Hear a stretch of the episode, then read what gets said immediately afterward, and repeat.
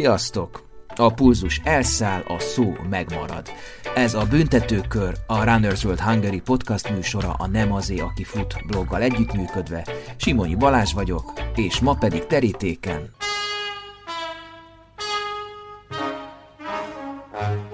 2017 nyarán találkoztam Sinkó Judittal.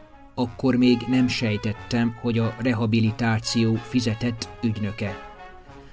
Így vezetné fel napjaink Peliká József gátőre a mostani podcast alanyunkat. Örökzöld mindig aktuális téma következik, gyógytorna és fizioterápia, hiszen sokan sportolnak, még többen mennek el felkészületlenül aktívkodni, síelni, teremfocizni, stb.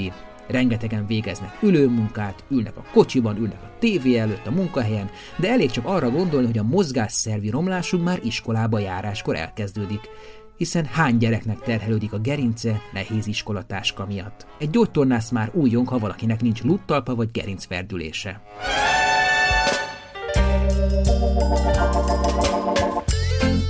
Hitted volna, hogy az ásás és a klímázás több problémát okoz, mint a bemelegítés nélküli teremfoci?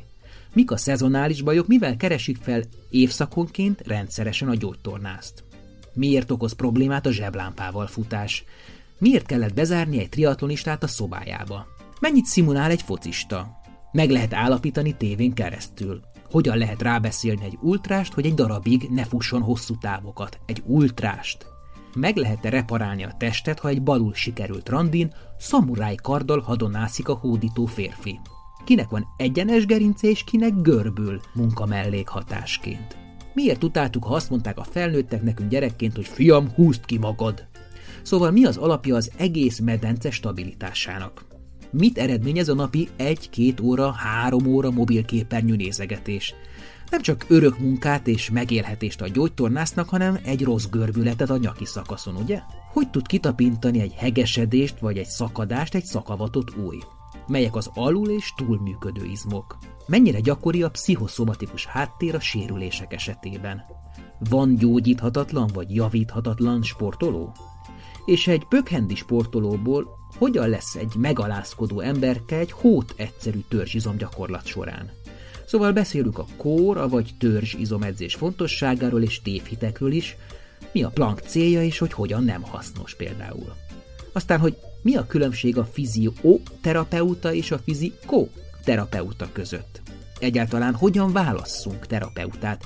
Miért ne a neten keresgéljünk, hanem ajánlásra menjünk? És ha erre a pályára menne valaki, akkor milyen problémákba lehet belecsúszni kezdő gyógytornászként? Nagy falata a mostani Büntetőkör podcast, hosszú is, de hát a testünk sem egyszerű szerkentyű volt, miről beszélnünk. Szóval, hogy kik is korunk modern inkvizítorai, ezt bogoztuk a büntetőkörben Sinko Judittal, akivel hosszú pályát járunk be.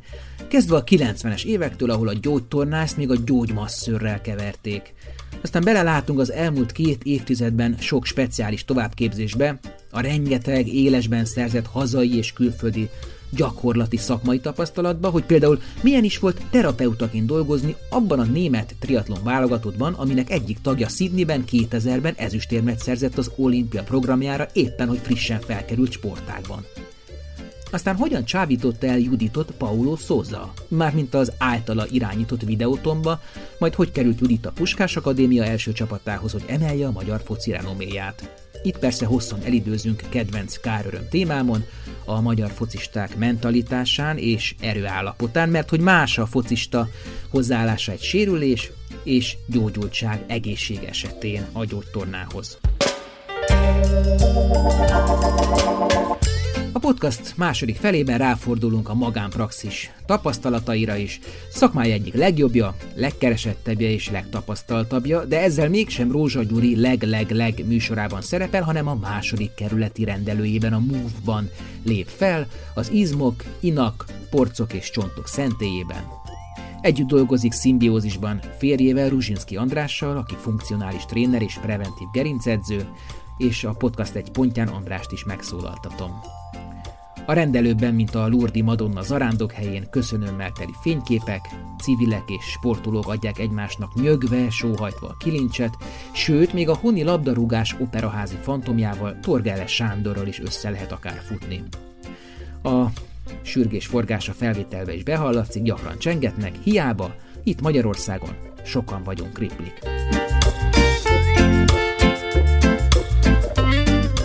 És persze lesznek hosszabb, kifejtős kérdések is.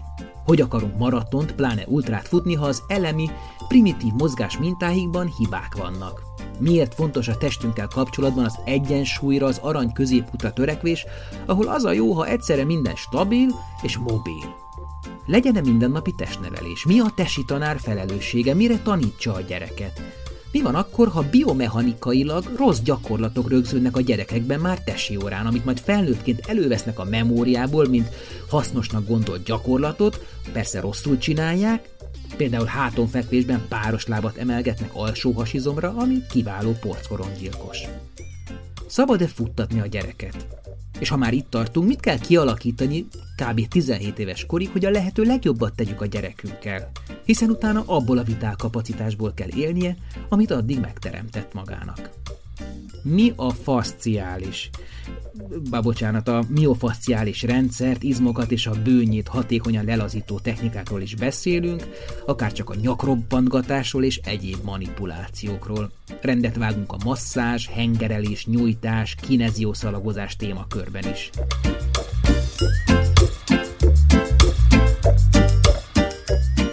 És három kérdésre a választ elspoilerezem, mert aki eddig hallgatta, legalább az is távozzon hasznos tudással. Melyik két területet kell megdolgozni mély izomtornával, hogy minimálisan karban tartsuk a testünket? Az egyik a medence vagy ágyéki szakasz, a másik pedig a felső háti szakasz, például a lapocgazáró izmok. Melyik a jó edzés? Amit nem hagysz abba, és egészségesen, sérülésmentesen csinálod. És melyik a legfontosabb eszköz, amit otthonra szerez be? A kitartás. Ma, amikor minden a divatosság, látványosság, posztolható, éremmel járó versenyek és folyamatos csoportnyomás, influencerkedés körül forog, azt hiszem ez megfontolandó. Az interjú nyilván elfogult, de minden tiszteletem az olyan embereké, akik értenek és jól értenek ahhoz, amilyen területen dolgoznak. Tehát a mostani büntetőkörben Sinko Judit és Ruzsinski András. Egyszer azt mondtad nekem, Judit, hogy a fizioterapeutának a hétfő a legjobb napja. Mert hogy télen sielnek az emberek hétvégén, és jönnek hétfőn mindenféle lábbajokkal, nyáron meg mondjuk, nem tudom, kint fociznak hétvégén, és akkor ö, azzal jönnek. Hú, erre nem emlékszem, hogy a hétfőt jelöltem volna meg a legjobb napnak, de tényleg van egy ilyen szezonális hullámzás a munkánkban. Télen valóban sielnek az emberek, elcsúsznak a jégen, eltörik a lábukat, elszakítják a tércalagjukat, tehát télen javarészt az ilyen műtétes problémák jönnek.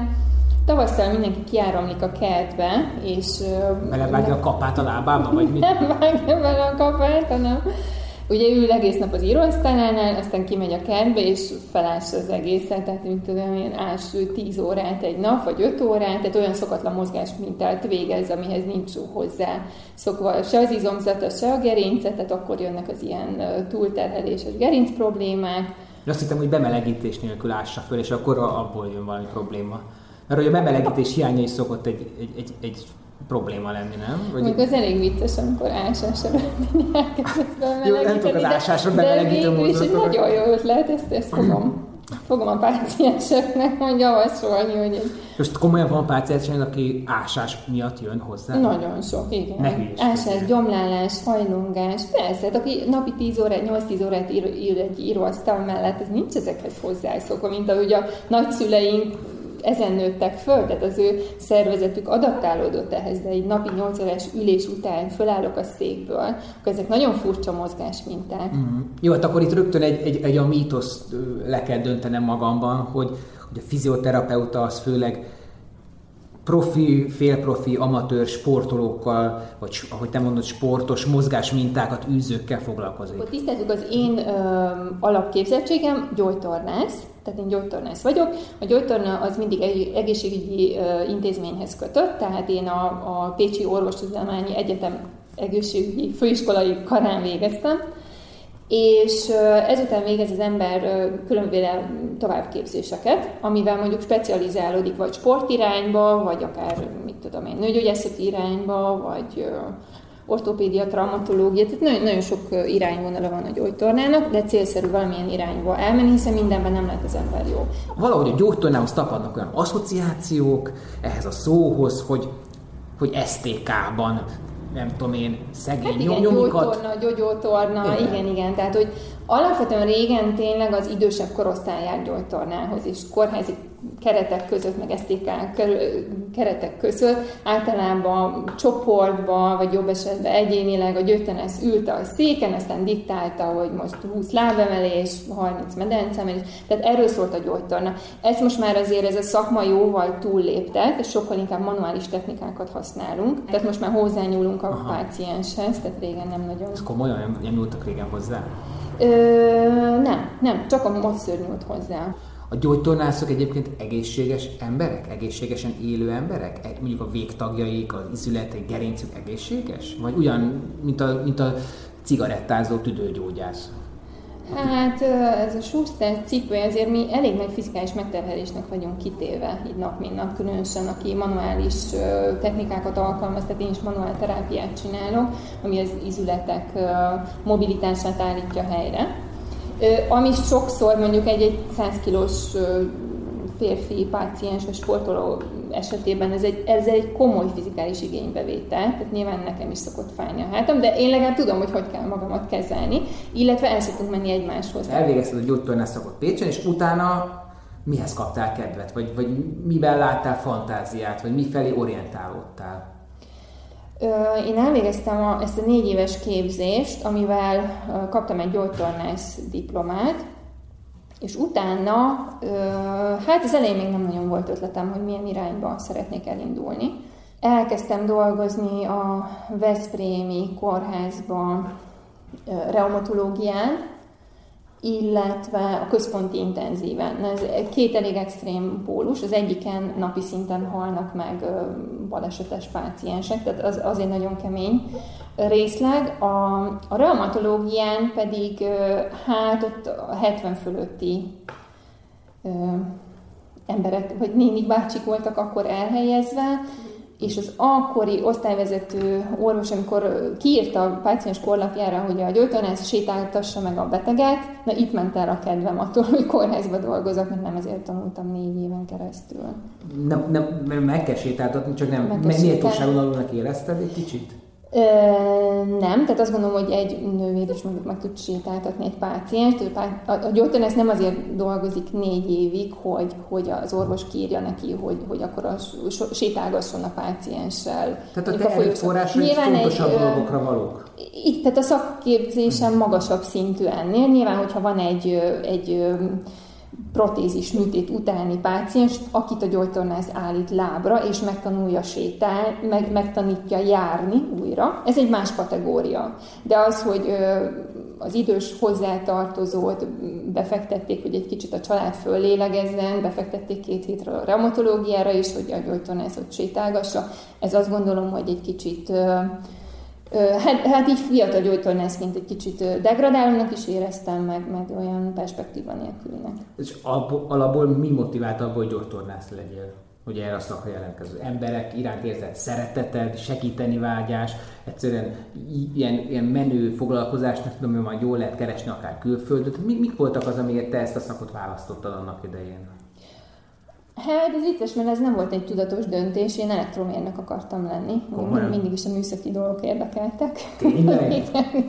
Gyerekkoromban szétszettem a hajszárítót, a tévét, általában össze is raktam. Tehát te szerelsz most otthon egyébként? Én szeretek. Vagy napig szeretek Tehát mondjuk a turmizgép elmondjuk, Hozzám hozhatod nyugodtan. Komolyan? Igen. Hát ez durva. Na és, és akkor, és akkor miért nem lett elektromérnök? Mert aztán rájöttem, hogy ez így elég, elég unalmas foglalkozás, hogy üljek egy számítógép előtt mondjuk napi 8 órában. Hát szerelő meg nem akartam lenni. De aztán rájöttem, hogy van valami párhuzam, hogy az emberi szervezetek is elromlanak, és azt is meg, meg kéne szerelni. És szóval, nem... így lettem gyógytorn, ez nem volt egy abszolút tudatos döntés. Tehát De amikor én végeztem... hogy az elektromérnökök, azok nagy rész fiúk, a gyógytornász meg nagy rész lányok. Ez így van, ez így van ez így van.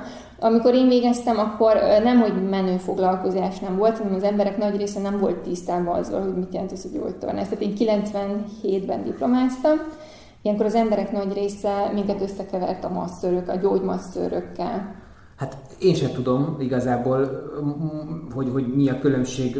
Azt tudom, hogy a master és a gyógytornász között mi a különbség, de most akkor mindenki gyógytornász, aki, mit tudom én, terápiával foglalkozik, vagy kineziószalagokat ragaszt fel, vagy piláteszt oktat. Nyilván nem, és ez egy elég homályos terület Magyarországon, hogy ö, nyilván csak a gyógytornász diplomával rendelkező szakember nevezheti magát gyógytornásznak, de hogy ki milyen sérültekhez nyúl hozzá, ez egy, ez egy kényes téma, mert ez, ez, ez parázsvitákat szül gyógytornászkörökben, mert például nagyon sok szakember elvégez egy négy hétvégés tanfolyamot, és elkezdenek csigolyákat, gerinceket robogtatni, nagyon alulképzett csontkovácsok nyúlnak hozzá olyan gerinchez, mondjuk röngen, MR felvétel nélkül, amiben nagyon nagy károkat tudnak tenni. Tehát a, a gyógytornász alapvetően mozgásszerű problémákkal foglalkozó ö, szakember, aki olyan képzettséget kapott, hogy egy nagyon komoly diagnózist önállóan föl tud állítani, nyilván a megfelelő röngen, MR képalkotó eljárások segítségével, és önállóan orvosolni is tudja ezt a problémát.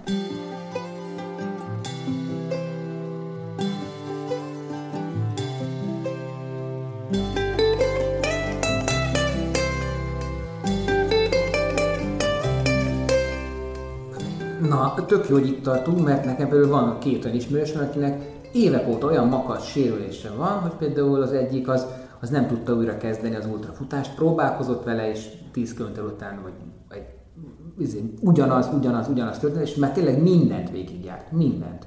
Hogy van olyan ember, aki kvázi gyógyíthatatlan, és el kell tanácsolni attól a sporttól örökre? Hú, ez nagyon nehéz kérdés. Hál' Istennek az eseteknek a nagyon pici százaléka, nyilván most azért nem tudok itt konkrét számot mondani, de, de a nagyon pici százalékánál valóban azt kell mondanunk, hogy a szervezete vagy már olyan elváltozások mentek végbe a szervezetébe, a mozgásszervi ö, elemekbe, akár az izületekben, vagy, vagy szalagokban, vagy, vagy a gerincében, ami már ezt a fajta ö, megterhelést nem bírja el, vagy, ö, vagy túl későn kezdett hozzá az a sporthoz, és egyszerűen nem úgy fejlődtek ki a, a mozgás szervi egységek, hogy azt a fajta terhelést elbírják. De azért a végállomás az mindig a gyógytornász, nem? Tehát, hogyha mondjuk el is küldik, nem tudom, műtétre, meg ide, meg oda, azért mégiscsak az utolsó és egy hosszú távon tartó gyógyulási, javulási, javítási folyamat az a, az a, az a gyógytorna, nem? A, aminek a végén gyógyultan távozik. Gondolom én. Igen, igen. Én hangsúlyozni szoktam a csapatmunka jelentőségét. Tehát az az ideális, amikor különböző szakemberek tímben, csapatban tudnak dolgozni. Tehát nagyon jó, hogyha az embernek vannak orvos kapcsolatai, akihez mondjuk egy adott problémával el tudom küldeni. Tehát nekem is van olyan térspecialistám, akit tudom, hogy hogy nekem egy jó diagnózist föl fog tudni állítani. Nyilván, hogyha olyan jellegű, akkor ő megműti, vagy inekciót ad bele, vagy különböző orvosi, az, tehát az ő szakterületén belül a lehető legtöbbet megteszi azért a páciensért, és utána általában visszaküldi hozzám rehabilitációra. Én sem egyedül végzem a rehabilitációs tevékenységet, hanem mellettem dolgozik egy sportmasszőr, aki nagyon jól kiegészíti az én munkámat, illetve van egy rehabilitációs személyedző, aki, aki azt a folyamatot viszi tovább, amikor a gyógytorna már lezárult mindig óvatosan mondod azt, hogy, hogy itt Magyarországon ez a helyzet, hogy ki gyógytornász, ki nem, ki fizioterapeuta, ki nem, ez a rendezetlennek tűnik, vitatkoznak fórumokon és stb. De hogy ez, ezek szerint Németországban mondjuk, vagy nem tudom én, Nagy-Britániában ez egy tök jól leszabályozott, tisztán behatárolható, tudományos névvel és szakterülettel elhatárolható dolog? Tehát az egy tiszta Sokkal, sokkal tisztább helyzet. Nyilván van a, a szakmák között átfedés, Hiszen egy, egy gyógytornász is csinál például lágyrész technikákat, egy masszőr, amikor masszíroz, az is egy lágyrész technika. Tehát ilyen szintű átfedések vannak,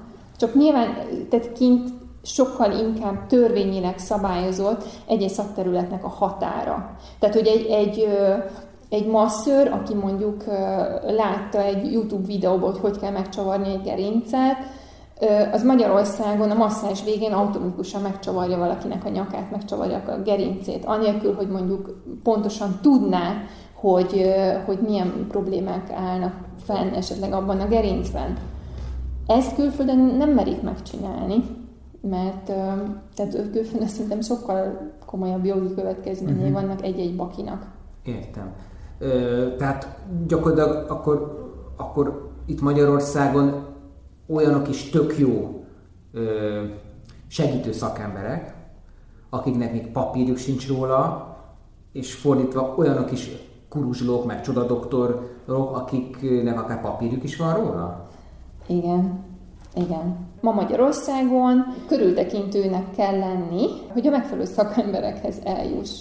És általában szájhagyomány útján, tapasztalati úton, ajánlásra. Itt nyilván különbséget kell tenni, hogy sportolóról beszélünk, vagy egy civil emberről. Mert mondjuk egy sportoló kap egy medvepuszit, akkor azt is kezelni kell. Medvepuszi alatt egy zúzódást értek, uh-huh. mondjuk a comb izomzatával. Uh-huh.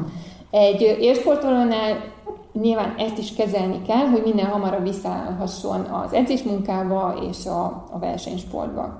Ez egy civil embernél magától is elmúlik. Tehát ezek olyan olyan sérülések, amik nyilván a, a szervezetnek működnek az autoreparatív, öngyógyító folyamatai. Mi ezekre csak rásegítünk. Tehát itt az időfaktor az, ami, ami hangsúlyos. Nyilván egy élsportolónál az a cél, hogy minél hamarabb visszaállhasson a terhelésbe. Egy civil embernél pedig előbb-utóbb ezek maguktól is meggyógyulnak, ha nem csinál vele nagyon nagy hülyességet. És mi a helyzet az, az amatőrökkel, akik, akik egyébként megszállott sportok, nem élsportok, nem ebből élnek, ott például ott, ott, ott, ott még akár engem is mondhatsz példának, hogy, hogy ő, is azért, hogy szeretne gyorsan meggyógyulni, meg szeretne visszaállni az edzés munkában, mert hiányzik neki. De hát azért mégis meg kell vele értetni, hogy nem olyan fontos, hogy ez te kicsit pszichológusnak is kell lenned? Én azt gondolom, hogy, hogy ha valaki rendszeresen sportol, akinek, akkor neki nagyon fontos, hogy minél hamarabb felépüljön. Ha a gyógytornát TB alapon veszed igénybe, az nyilván az ingyenes. Hogyha eljössz egy magánrendelőbe, ott mindennek anyagi vonzata van. Itt mindenkinek saját magának fel kell mérni, hogy mi az, amit anyagilag vállalni tud, hány kezelés, milyen sűrűséggel. De ezzel azt is akarod mondani, hogy, hogy a piac az úgy szabályozza magát, hogy nyilván jobbak is a szolgáltatások, amiért fizetsz, mint mondjuk, ha elmész az STK-ba gyógytornázni? Nem mondom azt, hogy ezt az STK-ban dolgozó gyógytornászok alacsonyabb szaktudással rendelkeznek, de egy magasabb, komplexebb terápiát tudunk nyújtani magánúton. Egyébként arányaiban a civilek és az élsportolók hogy vannak a, a rendelődben? Tehát mennyi? Nálam olyan fele-fel arányban. nekem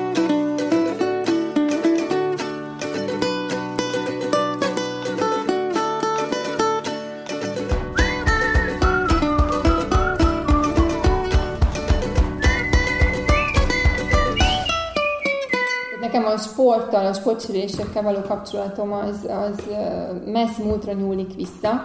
Olyan szerencsés helyzetben voltam, hogy friss diplomásként adódott egy lehetőség, hogy kimenjek Németországba és ott egy sportolókra specializálódott sportfizioterapeuta magánrendelőjében kezdtem el dolgozni. Ő akkor már 15 éve a német triatlot válogatottnak a terapeutája volt. Ez hányban volt? Ez 2000, bocsánat, 98-ban, 1998 Tök jó, hogy csöppentél, mert 2000-től lett sőt a triatlon olimpiai sporták. Tehát ez, ez így van, ez így van.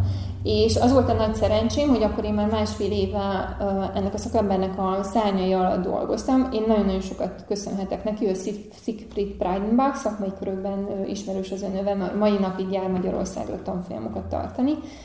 És hát ő segített abban, hogy, hogy a rengeteg elméleti tudást, amit a főiskolán felhalmoztam, azt ő a gyakorlatba ültette. Rávezetett arra, hogy, hogy amit én biokémiából, biomechanikából, mondjuk elméletben megtanultam, az, annak mi a jelentősége a gyakorlatban. Tehát ő sajnos elég elméleti volt, azon kívül, hogy óriási nagy tudást kaptunk a főiskolán a négy év alatt. Egy picit bennem azért maradt hiányérzet, mert nagyon elméleti volt az oktatásunk. Annak ellenére, hogy mi folyamatosan jártunk a kórházba gyakorlatra, és az utolsó fél év csak gyakorlatról szólt, de nagyon sokszor nem nyúlhattunk páciensekhez, vagy csak egy-egy csoportos órát bíztak ránk. Tehát végzett gyógytornászként bennem egy hatalmas bizonytalanság volt, hogy hogy kell egy, egyáltalán egy, egy adott problémához hozzányúlni, hogy kell elkezdeni. És akkor, akkor kikerültem ez a szakemberhoz, ahol láttam, hogy hogy mondjuk egy adott sportsérüléssel, sportsérüléssel hogy kell foglalkozni, hogy kell ezt a folyamatot végigvinni, és akkor mellette én úgy érzem, hogy nagyon nagyot fejlődtem szakmailag, tehát sok, sok területen a mai napig abból élek, amit én nála tanultam. Nyilván az ember mindig frissíti a tudását, mert mindig hozzátanul, de hogy a sport fizioterapia alapjait ő rakta le nálam. És az volt a, az óriási nagy szerencsém, hogy pont azért, mert 2000-ben először lett a triatlon olimpiai sportág, uh-huh. ezért kiemelten készülték azt a, kiemelten kezelték azt a felkészülési évet, és akkor ők kerestek egy gyógytornást maguk mellé a teljes évre az olimpiával bezárólag. És nem az volt, hogy rosszul hiszem, hogy dobogón is volt német fiú? Igen, ez is lett Igen. a Stefan Vukovics. Igen, mert a izé nyert, ugye, a új-zélandi. Az új-zélandi, igen. Igen, igen. Igen, hát ez, az, egy nagyon nagy dolog volt, tehát hogy ők azért, ő, ők már akkor nagyon profik voltak, és ha nem is emelkedett ki úgy olyan nagyon nagy egyéni teljesítménybe egy-egy sportoló, nagyon-nagyon profin építették fel a táplálkozástól elkezdve a terhelés biomechanikáig az edzés programjaikat, és mindig nagyon jó eredményeket értek el ők hát a, a Frodeno nyert is aztán Pekingben, ugye jól emlékszem? Igen, igen. Ővel igen, dolgoztál még? Igen, igen, igen. Akkor ő kis fiatalka volt még ott a csapatban. Az Annedit már ő nagyon sokáig ott volt az élvonalban. Uh-huh. És, és akkor... És akkor ilyen, azt érezted, hogy ég és föld, Magyarország annyira gyerekcipőbe jár, és... Hát a, a sport, fizioterápia területén igen. Igen. Mert kb. Tehát az, az volt, nem, hogy akkor... a pályára a masször, aki egyben, nem tudom, igen, igen, volt akik, a focistáknál, akik nem? ilyen frissítő masszásokat csináltak, de az, hogy, hogy például egy sportolónak a terhelését, a fáradtsági szintjét, azt, azt már akkor vérvételből ö, nyomon követték, azt például itthon még azért nagyon gyerekcipőben járt. Uh-huh. Az, hogy, hogy külön dietetikus nyomon követte egy-egy sportolónak a táplálkozását, egyéni táplálkozási ö, rendet állított össze, az, az itthon még nagyon, nagyon nem volt akkor ismeretes. Tehát ez egy nagyon-nagyon érdekes, nagyon intenzív év volt, állandóan egész évben edzőtáborban voltunk. Miért, anyagileg is jobban jártál volna, Izgal, izgalmas, hogy miért, miért jöttél vissza? Magyarország akkor még nem volt EU tagállam, és, és ilyen maximum másfél évre lehetett kimenni, uh-huh. és utána haza kellett jönni. Illetve a sportolókkal való utazgatás, hát azért az hosszú távon egy nagyon cigány élet, tehát hogy két hét edzőtábor, három hét edzőtábor, verseny a világ különböző pontjain. Nyilván Hisztisek a sportolók, vagy inkább ilyen lehajtott feje, hangya szorgalommal állnak a munkához? Hát a triatlonisták nagyon fanatikusak. Tehát ott volt arra példa, hogy kulcsra kellett zárnom az ajtót, mert valaki lázasan is le akart menni edzeni. Komolyan? Igen, igen. Tehát és ő... minden nyilvánulni meg a fanatizmusuk. Hát és ezek a német triatlonisták, vagy általában a triatlonisták? Át, általában én azt mondom a triatlonisták, de a német triatlonisták ezben főleg. Hát, hát, hát az, az, az, az egy edzés mennyiség, amit mondjuk egy triatlonistának bele kell tenni. Napi három mondjuk? Hát napi három, igen, minimum, és akkor közte még. És mi a domináns, a futás vagy az úszás? Minden edzőtábornak van egy domináns ö, disziplinája, tehát volt olyan edzőtábor, általában Majorkán volt a biciklis edzőtábor, ott ilyen 5-6 órákat tekertek egy nap, aztán volt olyan, volt olyan edzőtábor, ahol inkább a futó munkára helyezték a hangsúlyt, és abban az időben vált az úszás egyre dominánsabbá. Tehát ott már külön úszóedzők foglalkoztak a technika javításával. De ők reggel ötkor már csukbantak mindig a medencébe, fél hatkor már indult az úszóedzés. És azok, hogy a triatlonisták ilyen sokfajta sportot űznek, mondjuk szerintem az úszás az tök veszélytelen, de majd kiavítasz, a bicikli maximum elesnek, tehát hogy ott, ott, ott kev, ők például kevésbé sérülékenyek szemben mondjuk csak a futókkal vagy a focistákkal? Kevésbé ö, sérülékenyek mondjuk a, a focistákhoz képest, egyrészt nem egy kontaktsport, annyiból kontakt, hogy amikor bringán ütköznek és a kanyarba elesnek, akkor, akkor nagyon nagy, terül, tehát nagy, nagyon nagy hámsérüléseket tudnak szenvedni, elszenvedni. Inkább túlterhelésből adódó mindenféle gyulladások, csonthártya gyulladás, izületi gyulladás, ilyes, ilyen, ilyen sérülések voltak a jellemzők, de mindenkinek, tehát minden sportonak megvan sajnos a szervezetnek a gyenge láncszeme. Ez ezt fel kell mérni, és kell egy olyan egyéni programot összeállítani, amivel el tudjuk kerülni azt, hogy ez manifestálódjon, előjön ez a probléma. Úszó, úszó hol sérül meg? Az úszóknak például annyira ki van lazítva a vállízülete, hogy, hogy ott például nagyon sok váll probléma van, lehet gerinc probléma. De hát most én laikusként azt gondolom, hogy ki van lazulva a vállízület, az tök jó, mert akkor, akkor tök laza. Tehát minden nyújtást meg tud csinálni, meg ilyesmi. Az nem, nem jó? Egy, egy ízület akkor jó, hogyha megfelelően, megfelelően mobilis és stabil. Egy túllazított ízület soha nem tud tehát, hogy ez nem jobb, mint Tehát, egy... az arany közép Egy arany közép, Aha. igen. Tehát, hogy, hogy az egész munkánk erről szól, az arany középről, tehát az egész munkánk a, a balanszról szól, az egyensúlyról. Tehát mi mindig arra terekszünk, hogy ezt a homosztázis, tehát az egyensúlyt helyreállítsuk a szervezetben.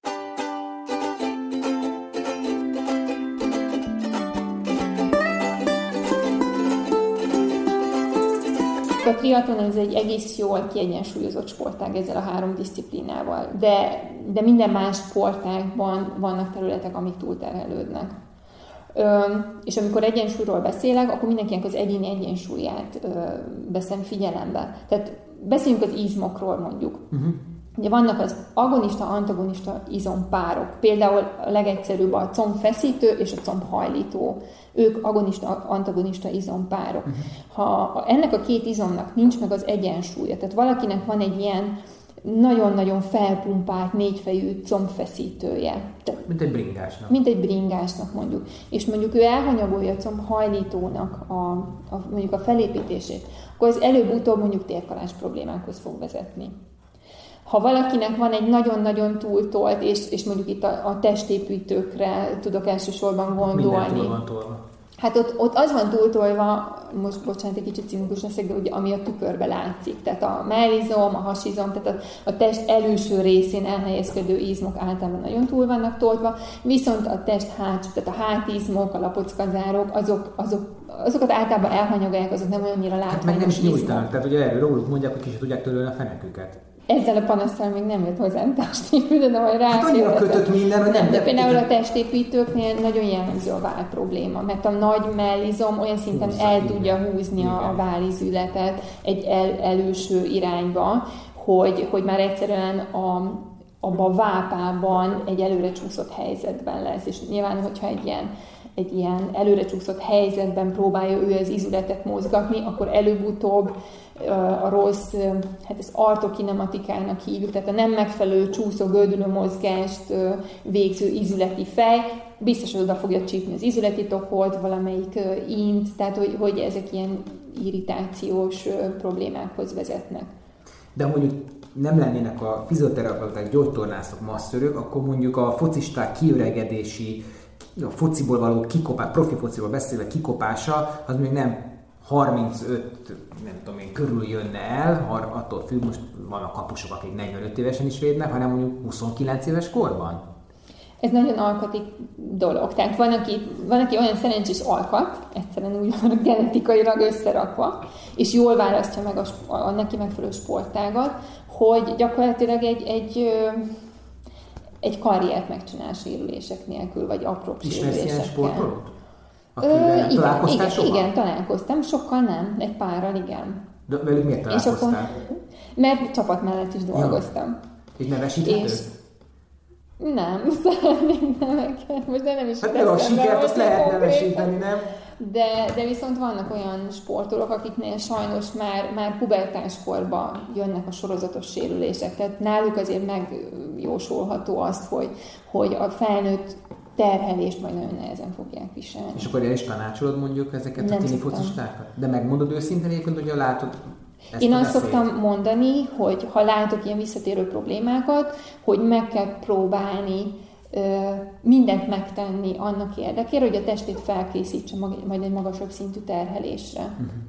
Nyilván, hogyha, hogyha valaki már ö, 15-16 évesen mondjuk olyan polckorong protrúziókkal, kiboltosulásokkal, vagy polckorong sérvel jelentkezik, ott el szoktam mondani, mert azt gondolom, az a korrekt, hogy, hogy nyilván el kell gondolkozni, hogy ezzel a gerincel neki még egy teljes életet le kell élnie. De tényleg az a tapasztalat, hogy aki gyerekkorában nem sportolt, és felnőtt fejjel kezd el sportolni, sokkal nehezebb izmot építeni, sokkal nehezebb a testnek a rugalmasságát ö, alakítani, javítani míg a gyerekkorban megszerzett izomtömeg, akkor is, hogyha utána mondjuk több időt kihagyunk a sportból, az maradandó. Felnőtt korban megszerzett izomtömeg sokkal illékonyabb, hogyha ezt így mondhatnám. Tehát könnyebben leépül, könnyebben eltűnik.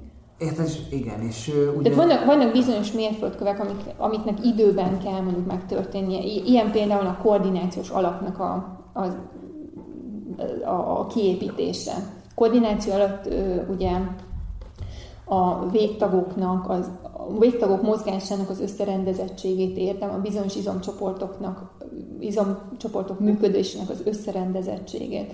Ezt olyan 7 éves korban ideális elkezdeni, különböző instabil felszínekre állítsuk a gyereket, trambulinra, egy szivacsra, álljon egy lábon, mozgassa közben a kezét, lábát. Erre nagyon jó pofa és ilyen játékos gyakorlatokat lehet kitalálni.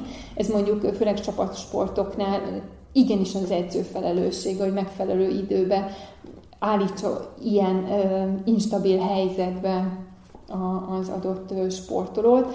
Ha ez nem alakul ki ilyen 7 és 10 év között, később sokkal hosszabb folyamat, felnőtt korban is például ez a rehabilitáció részét is képezi, tehát valamennyire tudunk javítani, de az a tapasztalat, hogy akinél 7 és 10 éves kor között ezeket a gyakorlatokat rendszeresen végzik, ők bármilyen sportban nagyon ügyesek lesznek. Tehát egy jó koordinációs alap, az egy megfelelő bázis nyújt bármilyen összetett technikai sport elsajátításához, vagy hát nem technikai, hanem bármilyen összetett koordinációt igénylő sport elsajátításához. És milyen mérföldkövek vannak még?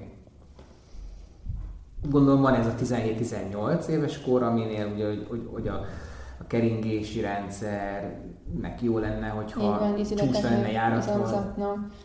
Ö, hát ezt a kettőt tudnám így kiemelni, igen. Az se jó, hogy nyilván, hogyha, hogyha túl korán kezdjük el mondjuk súlyokkal megterhelni egy fiatal, fejlődő szervezetet, egy fejlődő izületekkel rendelkező szervezetet. Alapvetően azt szoktuk mondani, olyan 16-16 és fél éves korig ö, saját esős gyakorlatok, Hát funkcionális gyakorlatok. is szokták mondani, hogy, hogy azért nem biztos, hogy jó gyerekeket futtatni, mert, mert a becsapódás, meg a gerincük, meg a komolyabb pályaatlétika, az nem biztos, hogy, hogy jó. Fiatalok ilyen menjenek úszni, menjenek biciklizni. Ez egy tévhit? Én azt gondolom, hogy mindenkinél ki kell alakítani egy jó alapot. Mit értek ez alatt? Két nagy csoportba oszthatjuk a, a szervezet izomzatát. Vannak a, a nagy mozgató izmok, és vannak a mély izmok, ezek általában kisebb, vékonyabb ö, izmok, ezek az úgynevezett artrokinematikus izmok. A nagy mozgató izmok segítenek abban, hogy valamit ö, föl tudjunk emelni a földről, az, hogy a sarkamat föl tudjam, föl tudjam húzni a fenekemhez. Viszont ennél sokkal-sokkal fontosabbak ezek a stabilizáló artrokinematikus izmok, amik az izületeknek a stabilitását adják, illetve a két izületi felszínek a megfelelő elmozdulását egymáshoz képest. És akkor ezeket hogy? Ilyenek például, ami, ami azért a köztudatban is benne van, a gerincnek a, ugye a mély hátizmai, Ez a core, a törzsizmok? A kor az magába foglalja ugye a hasizmokat, hátizmokat. Mert most ez a varázs szó. Az a varázs minden. Minden, minden, minden és ez jó múlik, is. és a törzs, törzsizom nélkül halott vagy. Pont erre akartam kiukadni, hogy ugye a kór az nagyon-nagyon fontos bázis. De maradjunk a mélyizmoknál. Tehát a, a mélyizmok azok, azok ráadásul láthatatlanok. Tehát hogy azért nem is erősítünk rájuk, mert, mert, mert nem, tud, nem tudjuk, hogy ott vannak. Tehát például a, a gerincet tartó, a be, gerincet stabilizáló mélyhátizmok, azok a csigolyák között egy-két csigolyát áthidaló ilyen kis ferde ízmocskák, amik olyan mély rétegben vannak, hogy azoknak a jelenlétével nem is vagyunk tisztában. Ezért mindenki azokat az izmokat edzi, amik látványosan kidomborodnak a gerinc két oldalán. Hát hívak vagy, hát nyilván. Hát hívak, vagy, vagy inkább információ hiány. Na de és akkor még egy saját... testépítő, az mindig ezeket a külső nagy izmokat, igen, nagyon most lehúztuk. De mondjuk, hogy én húzódszkodó, tolódszkodó, minden természetben végezhető egy fán, egy kőkerítésen, korláton, akármi, az ezeket a mély, láthatatlan izmokat is alaposan megmozgatja? Így van. Vagy ez csak gyógytornával lehet? Nem, nem, nem, nem, egyáltalán nem. Ö, minden olyan funkcionális gyakorlat, ami, ami nem egy ilyen nagyon rögzített helyzetben történik, az megmozgatja ezeket a mélyizmokat. Uh-huh. Például négy kézláb helyzetben végzett ellentétes karlábemelés, vagy csak karemelés, vagy csak lábemelés, tehát amiben már van egy kis instabilitás, van egy kis bizonytalanság, ott ezek a mézmok erőteljesen bekapcsolnak.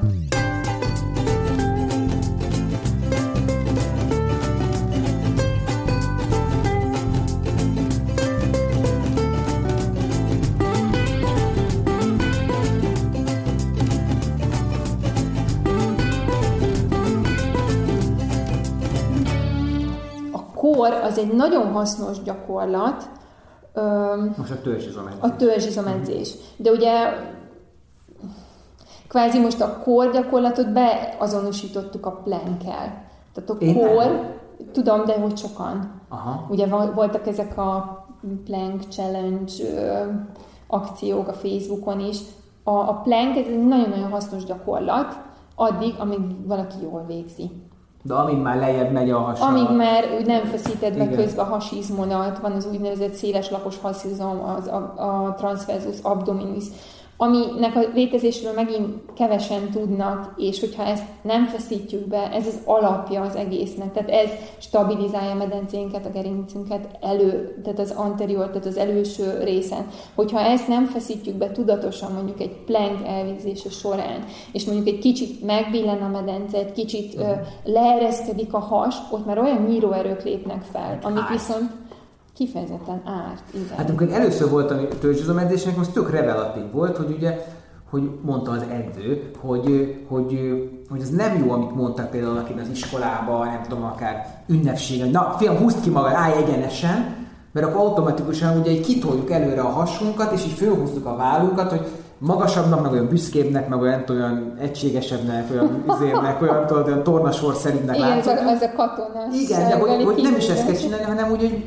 pont, hogy behúzni, összehúzni a feneket. Tehát van, akinek be kell húzni a hasát, és hátra billenteni a medencét. Igen. Van, aki, tehát ugye ezt azért egyénileg, tehát nem, nem lehet. De ez, ez, ez biztos. Tehát van, akinek nem fokozottak a, a, a gerinc görbületei, például az ágyéki lordozis, tehát az ágyéki homorulat. Neki nyilván azt mondja, mondjuk, hogy húzza be a hasát, és húzza maga alá a medencét, szorítsa össze a farizmát. De van, akinek meg el simultak ezek a gerincgörbületek, tehát van egy ilyen nagyon egyenes, nagyon kiegyenesedett gerince, neki pedig pont arra törekszünk, hogy kialakítsuk ezeket az íveket.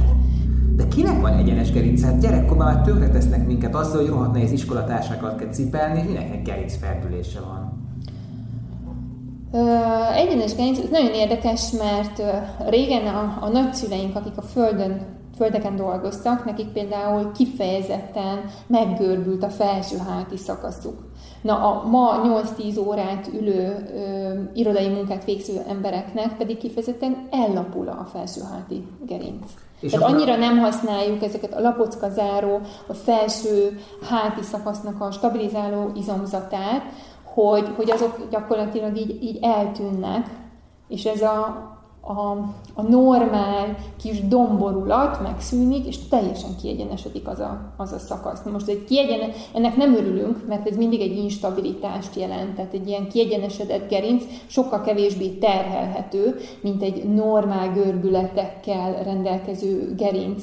Gondoljunk az építészetben használt boltívekre, tehát a boltív mindig stabilabb, mhm, mint egy, mint egy ilyen Igen. egyenes Érdekes valami, tehát egy egyenes gerincben nincs meg az a fajta rugózás, mint egy S alakban. Uh-huh. Most nem oldalirányú görbületről uh-huh. beszélek, hanem szagitális irányú görbületről, tehát vannak az úgynevezett fiziológiás görbületek, ami, ami jó, ha megvan, és a, a fiziológiás görbületekkel rendelkező gerinc sokkal terhelhetőbb, mert az, a, például a futásnál, vagy leugrok valahonnan, akkor azt a fajta rázkódást a gerincnek ez a dupla, duplás formája elnyeri, uh-huh. míg a, egy kiegyenesedett gerincnél ez a fajta ütődés, ez közvetlenül a kis üzületeket, illetve a porckorongokat éri.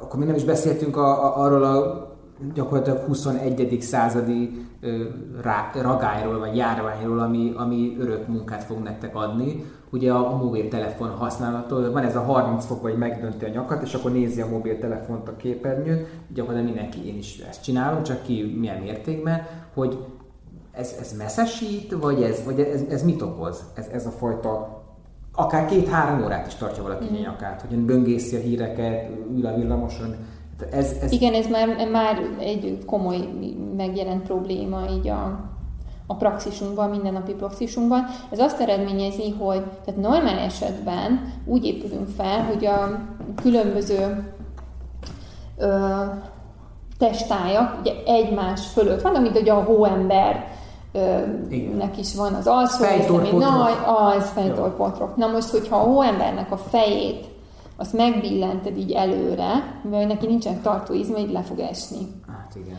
Az embernek vannak tartó izmai, de hogyha egy ilyen előre helyezett fejtartásban, egy ilyen előre csúsztatott fejtartásban tartjuk akár napi több órát a fejünket, akkor nyilván a szervezet megpróbál védekezni, és azok az izmok, ezek a felső trapéz izmok, amik húzzák visszafele a fejet, azok napi több órás visszahúzó munkára kényszerülnek. Elő, ettől el, előbb-utóbb túlterhelődnek, hmm. és már önmagukban ez a fajta túlterhelés is fájdalmat tud okozni a nyaki vár részen. Ez azért, ez, ez egyenes út a nyaki problémákhoz, pockorom problémákhoz, kisizületi, artotikus problémákhoz.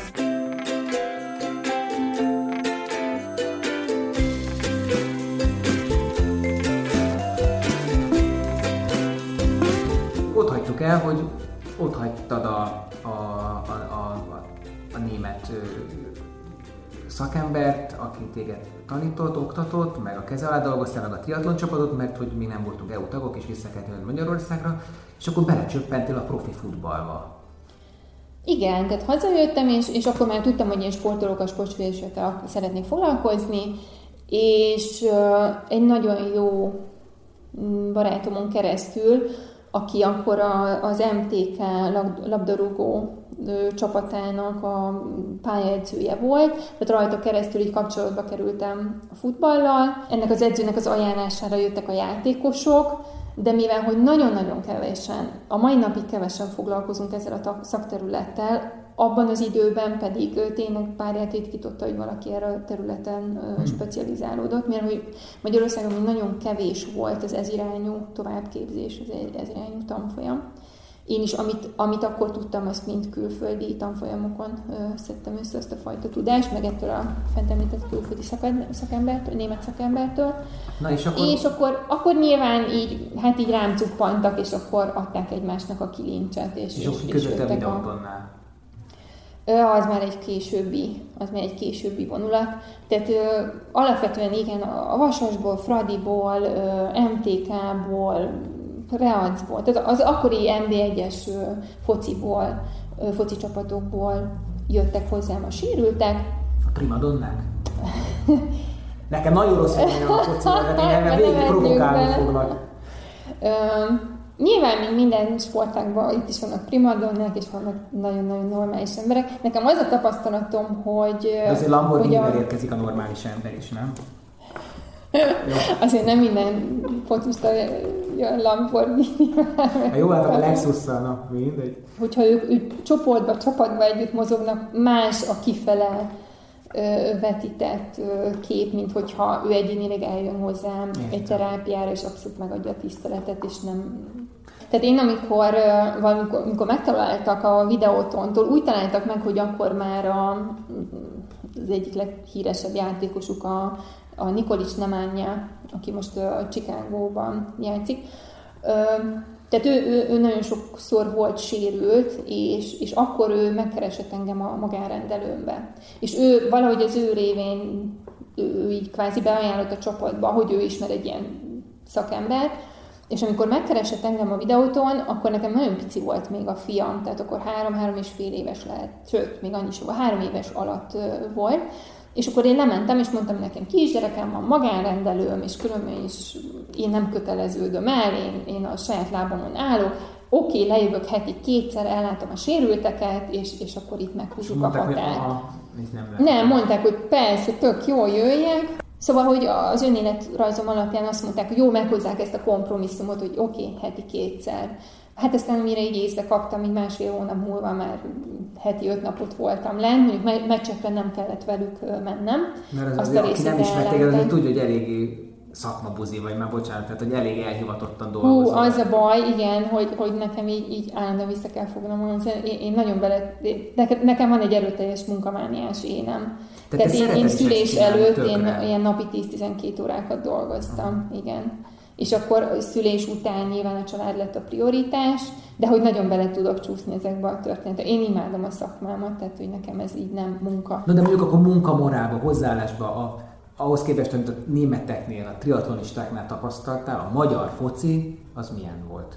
Hát nyilván itt ez csapatfüggő, tehát amikor elkezdtem a futballba dolgozni, akkor, akkor az, hogy, hogy megelőzés, prevenció, az, hogy foglalkozzunk valakinek a törzsizomzatával, foglalkozzunk a korábban említett gyenge pontjával, hogy mindenkinek állítsunk össze egy egyéni programot, amit neki mondjuk edzés után külön ott kell maradni és meg kell csinálni. Na ez nagyon gyerekcipőbe jár. Néztek rá, hogy ez hülye ez, hogy mit mond nekünk? Ö, nem néztek rá, hanem amíg sérültek voltak, addig mindent megtettek az ügy érdekében, és ahogy, ahogy visszállhatott a pályára, gyorsan is felejtett. És nyilván ennek következtében aztán jött a következő sérülés. Tehát ez a megelőzés azért ez az élsportban egy borzasztóan fontos terület. És én azért is mentem el utána egy csapat mellé dolgozni, mert én, én már mindig a sérült játékost láttam, és én láttam, hogy mi van mögötte, és láttam, hogy hogy lehetne ezt megelőzni. És ezért volt egy fantasztikus lehetőség, amikor a Paulo Souza 5 évvel ezelőtt, 6 évvel ezelőtt most már lassan, ö, leigazolt, vagy hát ö, edzőként szerződtették a videóton foci csapatához. Ő megérkezett, és megkérdezte, hogy hol van a medical team. És akkor mondták, hogy hát itt van masször, meg van néha orvos, és akkor mondta, hogy jó, de hol a medical team, hol vannak a gyógytornászok, fizioterapeuták. És akkor és akkor, hát csak hogy érzékeltessem, hogy ez mennyire nem volt benne a köztudatban, ez a sportfizioterapeuta, mondták, hogy hát itt van egy néni, aki az ultrahangot kezeli, hogy ő a fizioterapeuta, de hogy ez egy két különböző fogalom. Tehát ők, ők fizikoterapeuták, akik ezeket a gépeket, akár STK-ba, akár uh-huh klubcsapatok mellett is kezelik, üzemeltetik. És vannak a fizió. És vannak a fizió terapeuták. A, a, madács, a madácsnak a középkori színje, azt hiszem, amikor embereket égetnek benne, mert azon vitatkoznak, hogy a homo iuzion, vagy a homo iuzion, a isteni egylényegű, nem tudom micsoda, emberi isteni, nézzetek utána, ember tragédiájában, szóval kb. ezt mutatja az eszembe, van a fizió és a fizikó terapeuta. Igen. És te vagy a fizió igen. terapeuta.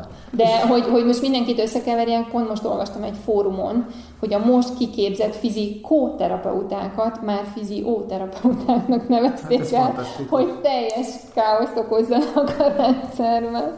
Na mindegy, ez És akkor bekerültél hogy... a férfi központú világba. Igen, ez egy nagyon maszkulin világ. Egyedüli nő voltál ott a csapatban? Hát akkor igen, az irodán dolgoztak még még hölgyek. De, de, de, de Zikár csak még az sem, vagy nagyon ilyen, ilyen szentként kezeltek? Tehát mint a, mint a Lourdi Madonna, hogy így ilyen gyógyulás után hozták neked a nem tudom én, a, a, a, a köszönet, ilyen izé, plétáblácskák, amiket a búcsúba szoktak felszegelni, hogy köszönöm, hogy meggyógyítottál Madonna. Tehát voltak ilyen nagy hálák, meg nagy köszönetek? Vagy ez nem jellemző? De, de azt kell mondjam, hogy ebbe a közegbe igen. Igen. Tehát, hogy, hogy én nagyon szerettem ott lenni, és nagyon-nagyon jó volt a, a sportolókkal, tehát a játékosokkal nagyon jó volt a kapcsolatom, és, és pontosan éreztem ezt a hálát, és éreztem a, a megbecsülést. Nyilván nőként nagyon le kell fektetni a kereteket, a határokat, és én azt hiszem, hogy e, ebbe egész jó vagyok. Tehát én az elején meghúztam a saját határaimat, hogy ezen belül nem lépünk ilyet, nem mondom. Hát eleve az összes focistánál magasabb voltál, ott kezdődik, nem? Nem, azért nem. De mondjuk, csak mondok egy példát, hogy, hogy ők megszokták, hogy az öltöző és az zuhanyzó között ők egy szál Ádám köztünkben közlekednek, de mondjuk nekem is ott volt az elején a kezelőm. És akkor ezt megértették egy nap alatt, hogy így itt nem közlekedhetnek, mert most már én is itt vagyok, és, és ebből nem volt probléma, és nem, nem is tették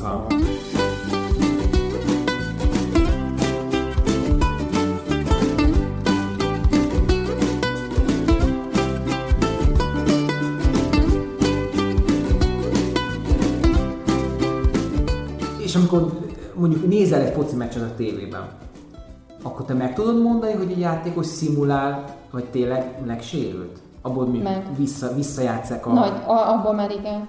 És azért mondjuk arányaiban többet szimulálnak? Vagy azért... hát, hogy mondjuk az olasz focit nézzük, akkor igen, vagy vannak egyes játékosok. De például vannak olyan, olyan játékosok, akik, akikről tudod, hogy soha nem szimulál. Tehát akikben óriási alázat van, és fölrúgják, inkább föláll, másodszor is fölrúgják. Például Messi ilyen. Messi nem szokott szimulálni. Tehát őt háromszor fölrúgják, háromszor talpra, és, és megy tovább, és, és begyökri a... Magyar nevet is tudsz? Ö, az az igazság, hogy most egy kicsit már kiestem ugye a magyar fociból, de, de, de a Vidiben nem volt nem volt divat ez a, ez a fajta mentalitás. Tehát ott inkább a, a küzdés. De az időt húzni, időt húztak, nem? Nyilván vannak taktikai Aha. dolgok, tehát amikor mondjuk... Ez, ez az sose zavart ennek a sportnak, hogy, hogy ebbe belekeverednek ilyen nem tiszta, nem teljesítmény alapú Az, a, az a vicces, hogy most az én 11 éves fiam és focizik, Na, amikor ő elkezd egy bozsikon mondjuk a FIFA-ból tanult fetrengést előadni, akkor olyan ideges tudok, hogy legszívesebben bemennék, és fölállítanám, hogy álltalpra és küzdjék. a saját gyereke, azt látom, hogy Aha. kamu.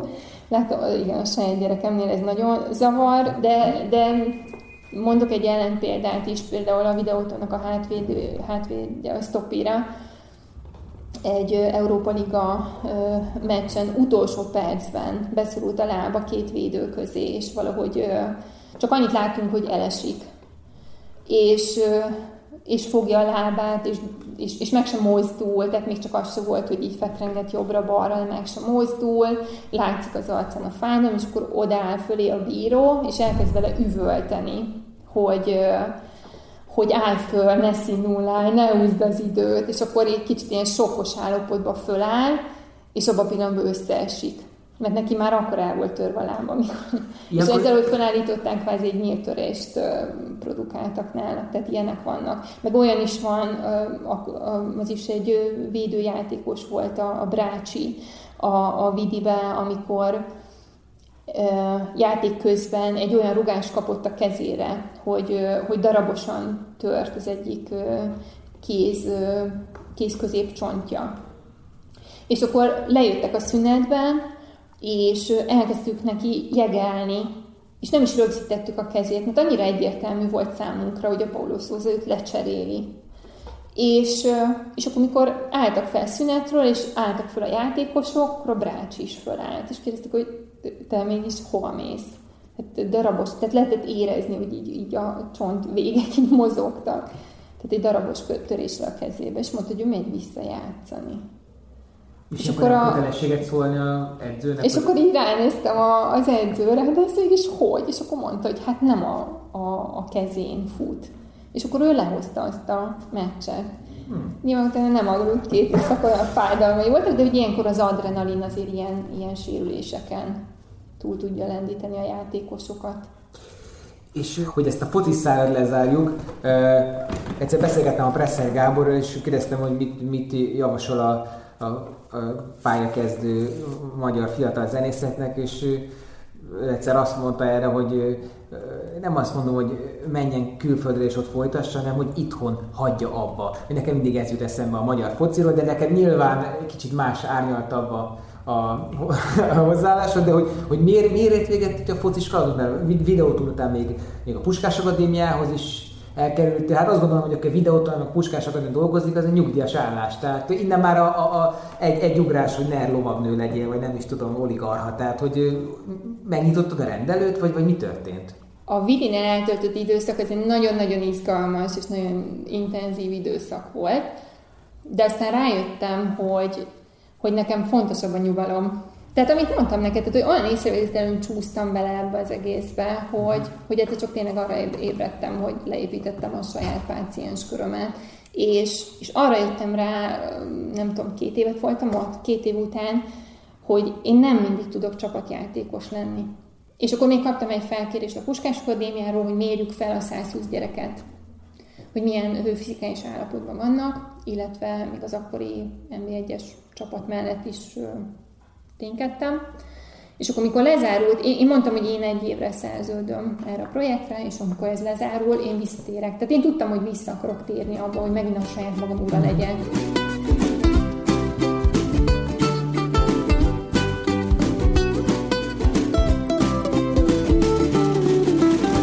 Akkor visszatértél a, a rendelő, rendeléshez, de kicsit olyan szakmaz, mint a koporsok de hogy mindig lesz rá igény. Tehát, hogy az, ember, az, embereknek, az embereknek mindig el fog romlani valami alkatrész, alkatrész pláne a mozgásszervi dolgokról beszélünk, hogy ha most átcsúsznánk el egészségügyi miniszterre, akkor, akkor te hogy látod a, a, a, a társadalom, az általános állapotot? Mm-hmm. Tehát a, a, mondjuk nyilván a rossz, nagyon rossz, vagy kilátástalan, vagy kinek a fel, tesi tanároknak a felelőssége, vagy egyéni felelősség, vagy elég az, hogyha csak egyenesen ülünk és többet mozgunk. A, miután lezártam a Puskás Akadémián ezt az egy évet, ami alatt az egyik kolléganőmmel fölmértük 120 gyereknek a fizikális állapotát, utána egy sportolósi kongresszuson tartottam erről egy ilyen összefoglaló, vagy egy kollégámmal tartottunk egy összefoglaló előadást ebben a témában, és azzal kezdtem, hogy tisztelt kollégák és kolléganők, fölmértünk 120 sportoló gyereket, és azt kell mondanom, hogy nem fogunk unatkozni még nyugdíjas korunkban sem. Tehát, hogy még abban a közegben is, ahol sportolók vannak, még ott is kirívó van sok a... Tehát már ott újongtunk, ha valakinek nem volt gerincfeldülés és tudtak. Hát ugye a sportolók is nagyon rossz állapotban, nyilván a, a, az átlagember meg még rosszabb állapotban van, és vannak ez irányú kezdeményezések, tehát, hogy minden nap legyen testnevelés az iskolában. De hogy ezt nem töltjük meg tartalommal, akkor igazából... Olyan tartalomra gondolsz, hogy a testnevelőknek nem mondjuk a felelőssége az, hogy amit mondtál, ez a koordináció, hogy ugrál Koordináció, egy jó korizomzat kialakítása, az, hogy megtanítsa a gyereket járni, megtanítsa ülni, megtanítsa futni. Ezt primitíven hangzik, de, Ez primitíven hangzik, de amikor, abszolút amikor a primitív mozgás minták nem működnek, akkor utána hogy akarunk maraton futni, meg ultrát futni. És ezzel szembesülök nap, mint nap, és, és uh, ugye az ultra futók kapcsán, hogyha nincs meg a bázis, ráadásul nagyon sok ultrafutó 30 év fölött kezd el futni. Úgyhogy gyerekkorában nem most nem ezt nekem adresszálod, nem, nem, nem, egy sok ultrafutó páciensed van, azért mondod. Igen, igen, igen. Tényleg? Van. Tehát, igen. tehát nagy, mondjuk arányaiban? Nem, azért arányaiban nem, de hogy most már... Tehát több a kert, kert fölásó. több a kertfelás és több a focista, de hogy azt gondolom, hogy most már van egyfajta rálátásom erre a sportágra is, vagy nem tudom, lehet, hogy ez nagy képű hangzik. Tehát, hogy azért már egy jó pár ultrafutót uh-huh. kezeltem, és azt látom, hogy, hogy van, aki nem tud, most tényleg csúnyán hangzik, de aki, aki nem tud menni se. Tehát, hogy olyan rossz biomechanikával megy, olyan rossz... Mert dől balra. Én ismerek egy, aki, aki... Mondjuk dől balra. vagy olyan szinten befeledől mind a két bokája, ez húzza magával mind a két térdet. Tehát hogy, tehát, hogy az ízületek nem tengelyben terhelődnek, hanem egy kóros tengelyben. Na most ez 4-5 kilométernél nem biztos, hogy 4-5 kilométer futásnál nem biztos, hogy óriási problémát vonz maga után. És De azért 60, jön, mert ez állandó gondot okoz neki? Igen. Igen, igen.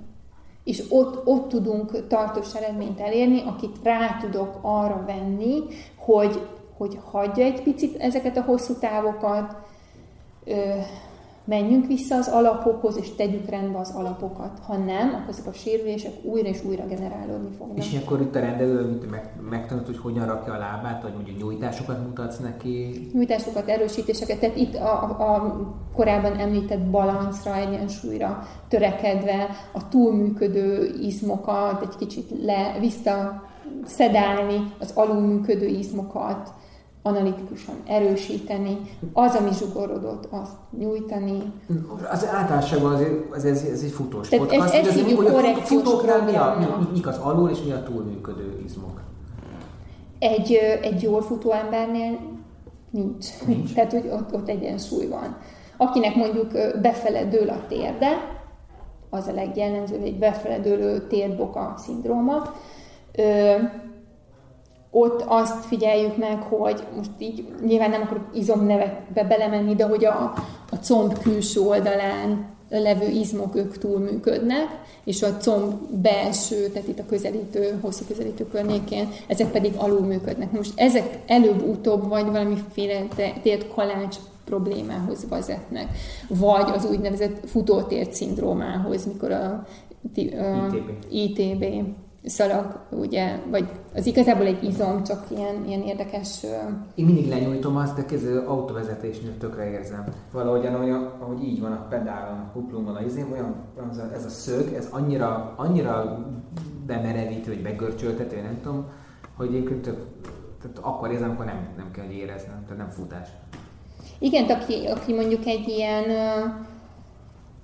egyszeri IT ö, szindrómával jön, tehát a, akkor megtanítjuk ennek a hengerlését és a nyújtását. Uh-huh. Hogyha visszajön egy hét múlva, és azt mondja, hogy hengerés után tök jó, de futok egyet, és állandóan visszaáll, akkor meg kell néznem, hogy a környező izmok hogy működnek. Például az IT az egy nagyon-nagyon szoros kapcsolatot ápol a nagy farizommal és az oldalsó farizommal. Hogyha bármelyik alul működik, uh-huh. akkor az IT automatikusan túl fog működni. Uh-huh. És akkor így elkezdik, elkezdődik egy ilyen korrekciós program, aminek a része az IT-nek a lazítása, ennek az ellenpárjának, vagyis a közelítőnek az erősítése, illetve az alulműködő farizmoknak a felépítése. Ez nyilván nem három nap alatt fog megvalósulni. Egy, általában azt szoktam mondani, hogy, hogy ez egy ilyen három hónapos programot érdemes végigcsinálni, utána tartós marad az eredmény. Tehát utána tartós marad a javulás. Általában ugye két-három hét alatt már érzik, érzik a, a változást, de ha akkor abba hagyják, akkor megint minden visszaáll az eredeti állapotba. Ha ezeknek az izmoknak az egyensúlyát sikerült visszaállítani, akkor én újra megnézem az ő futását, megnézem a, a futásának a biomechanikáját, és meg, ha még ott valamit korrigálni kell, akkor nyilván de te valami eszmény felé korrigálsz, vagy mert, mert ugye én nekem ezt atlétika edzők is mondták, meg tapasztalt futók is mondták, hogy meg kell nézni mondjuk a legeredményesebb maratonistákat is, van egy-kettő, mit tudom én, a Edna Kiplagat például, rohadt tök csúnya. Közvetíti a tévében, mint a New York maratonon fut, hát ronda dobálja ide-oda a lábát, tehát nem érted, hogy miért nem takarít meg energiát ezzel. Igen, hogy ez mind energiaveszteség. De, de hogy most azt mondják, hogy a test kialakítja a saját ergonómiát, meg ökonómiát, és az úgy jó, ahogy van, és hát azért élversenyt azért nyer el New York Marathon, mert ő csak tudja meg a teste, csak tudják, ne kössünk már bele. Csúnyán fut, ez van. Szóval mi van? Jó, de itt, itt nincs válasz arra, hogy ha őt mondjuk valaki gyerekkorában biomechanikailag korrigálja, akkor ő most hol tartana, meg milyen, milyen időket futna. Na, de, de általában én, nekem az a hitvallásom, hogy nem szoktam olyan rendszerbe bele nyúlni, ami, ami működik. Mert ami működik, az általában egy, ha egy kényes is, de egy, egy, egy, általában egy egyensúlyban van. Vannak nyilván szélsőséges példák, amikor még nincs tünet, de látom, hogy ebből bizony bajok lesznek, abba belenyúlok. De általában nyilván akkor jelentkeznek nálam is, amikor, amikor már valami probléma jelentkezik a, a mozgás szervükben. És akkor ugye a, futó, fut, futóknál mi, mi, mi, ez, mi, mi, a, mi a leggyakoribb? Én mondjuk Futóknál a térd probléma. Térd, aha, elfogadtam volna. Térd, illetve különböző medence. medence. Tehát a medence körül izomzatnak. Tehát ott, ott, amit mondtam, hogy vannak a mélyizmok, amik a csípőnek az artrokinematikáját biztosítják, és vannak a nagy mozgatóizmok. Ezek a nagy, a nagy farizom, az oldalfarizom, gluteus maximus minimus. Ha, ha nagy izmok nem működnek megfelelően, alul működnek, akkor sajnos a, az a plusz megterhelés ezekre a kis artrokinematikus izmokra terhelődik.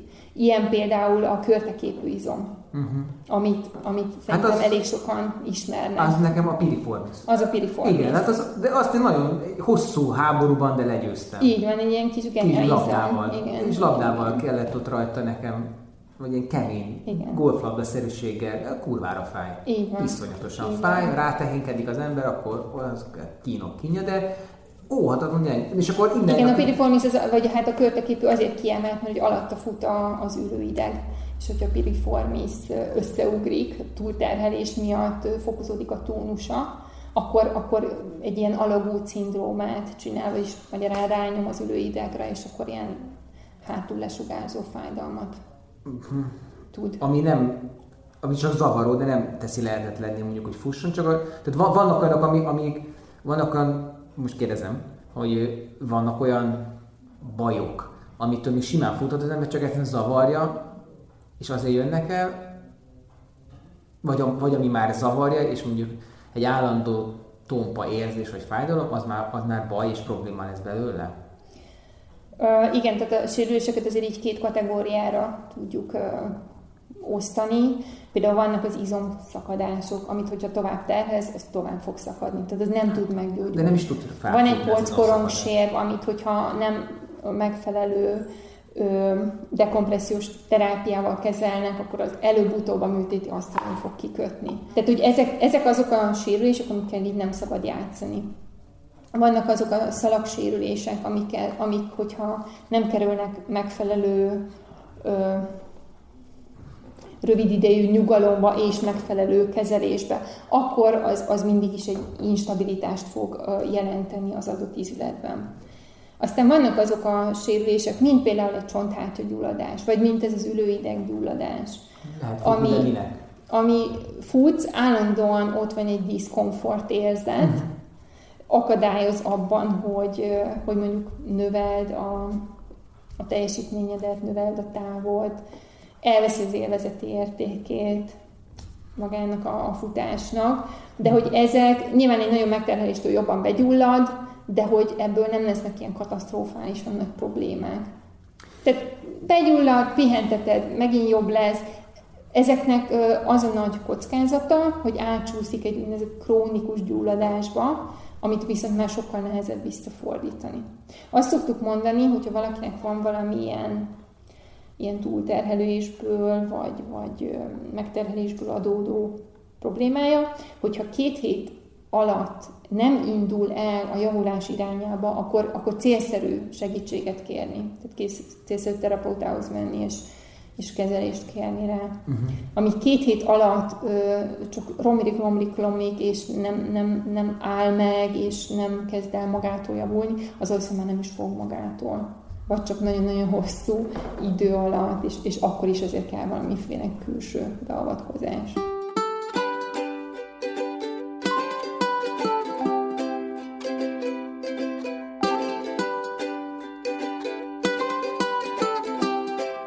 Azok a ma nagyon felkapott, ne, nem akarom azt mondani, hogy divatos, mert ezek tök hasznos dolgok, ezeket hogyan érdemes okosan használni? Tehát mondjuk a hengert, akkor a, akkor a nyújtás. Tehát mondjuk egy, van egy edzés, és akkor annak mondjuk hány százalékát időben tegyek ki a nyújtás. Ugye az, az a le, azt a legkönnyebb le, lenyesni az edzéstől, hogy arra már nem jut idő. mert ez kellemetlen, meg nem látványos, meg, meg nem, nem, nem, nem, nem, nincs azonnali visszacsatolás, hogy az hasznos. Vagy akkor ott van a kineziosszalag, ami sokszor mint a paradicsomadnál úgy néznek ki a futók, mert minden van föl van rakva. Igen, szóval, hogy, hogy tegyünk, vágjunk rendet ezekben a dolgokban, hogy mi az, ami kell, mi az, ami elkerülhetetlenül hasznos és fontos és legyen, mi az, ami opcionális. Ezek mind-mind baromi hasznos eszközök. Tehát az SMR hanger, ez a Self Myofascial Release, ez egy, ez egy olyan eszköz, mint hogyha tartanál egy masszört a szekrényedben.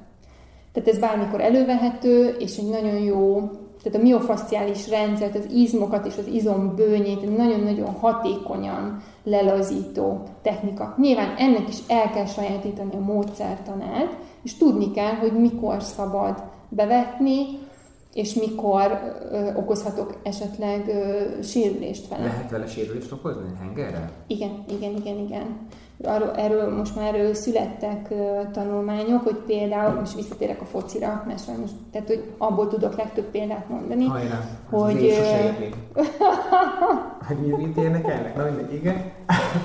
hogy a, de azoknál a foci csapatoknál, akiknél a, az edzés vagy meccs terhelés előtt ö, sokáig hengerelték az IT-t, a traktuszírőtip, tehát ezt az, az oldalsó combizmot, ott megszaporodtak a keresztalag sérülések. Igen. Tehát az IT, az, az, tehát annak az is a funkció, hogy egy laterális, egy oldalsó stabilitást nyújt a térnek. Na most, hogyha ezt így, ha túlságosan fel... Nyilván, hogyha valakinek van egy futótér szindrómája, uh-huh.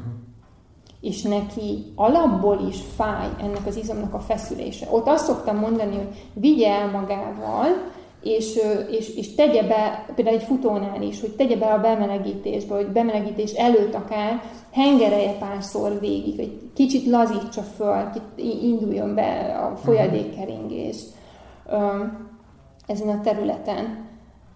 De hogy a, a nyújtást és a, a hengerlést is nyilván tudni kell, hogy mikor kell alkalmazni. Hogyha én egy sprinteket szeretnék csinálni, és előtte bevetek egy akár ilyen fél percig, 60 másodpercig kitartott statikus stretchinget a bemelegítésbe, ezzel nem teszek hát csak dinamikusan. Dinamikusan. dinamikusan. Én kell. nagyon szeretem ezt a úgynevezett post-izometrikus stretchinget.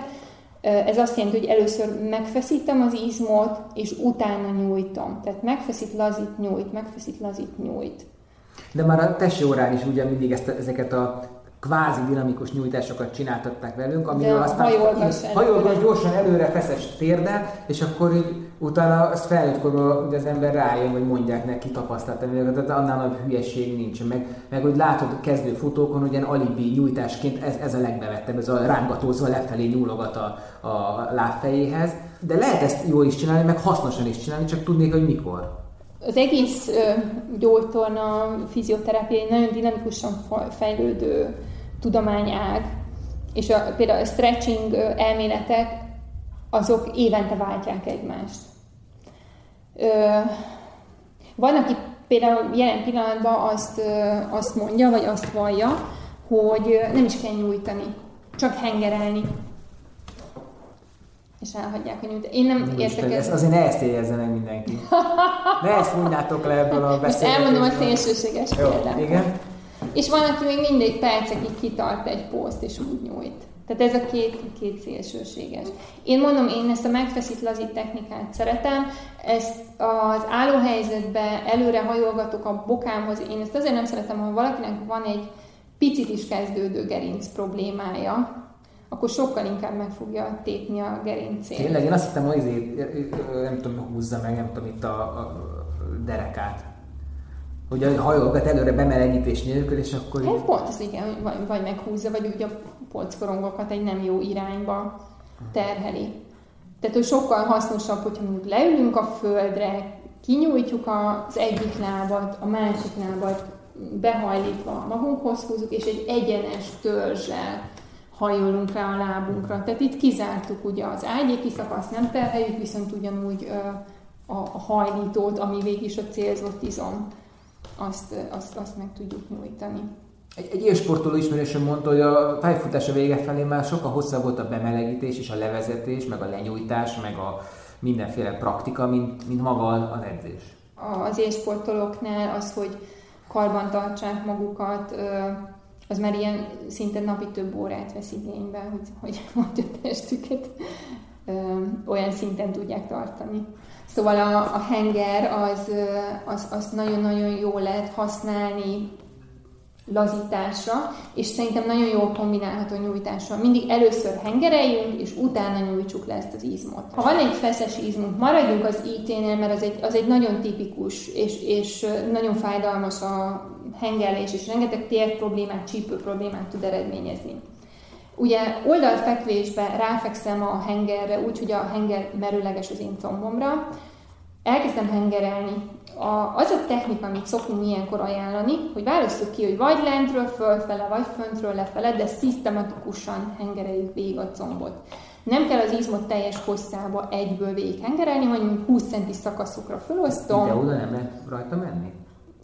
Tök kényelmetlen. Tehát olyan pozíciókat kell fölvenned, hogy te a csípőtől a térdedig végig akarod egy húzalomba hengerelni, míg kiválasztasz egy felső 20 centis szakaszt, és azt a szakaszt leföl hengerled. Ami a leggyakori probléma szokott lenni, hogy iszonyat gyorsasággal teszik mindezt, főleg a fájdalmas izmok fölött, mert túl akarnak lenni rajta.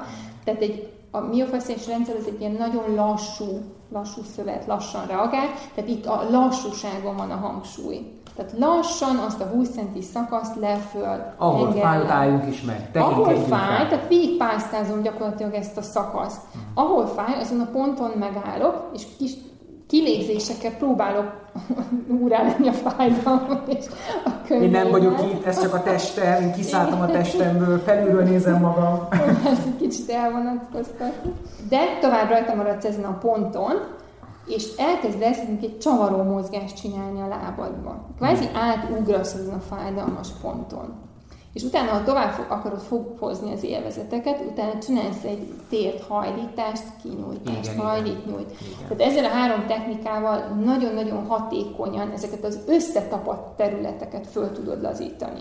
Míg hogyha csak úgy átsuhansz rajta valamiféle lazulás, keringés, vagy folyadékbeállamást el tudunk érni az adott szöveti területen, de az, hogy ezek az összetapadt, összekapcsolódott fibrotikus szálak elengedjenek és újra visszakapják a rugalmasságot, ehhez egy sokkal alaposabb munka igényeltetik. És mindig felmerül a kérdés, hogy hány percig kell hengerelni, nem adunk meg időtartamot, vagy tartományt, hanem addig kell hengerelni, amíg valamiféle változást nem érzünk. Tehát azt érezzük, hogy az elején kibudjant a könnyű, könnyű a szemünkből, de most már csak tompában fáj, az már egy szöveti változás. Vagy azt érezzük, hogy, hogy, hogy már nem ugrál a henger rajta, hanem valamiféle szinten elengedett. Tehát csak akkor hagyjuk abba. Ha, ne, ha hamarabb abba hagyjuk, akkor minimális az a hatásfok, amit, amit elértünk. Tehát csak fölpiszkáltuk. Na de mi van, mi van nálam például, hogy nálam például,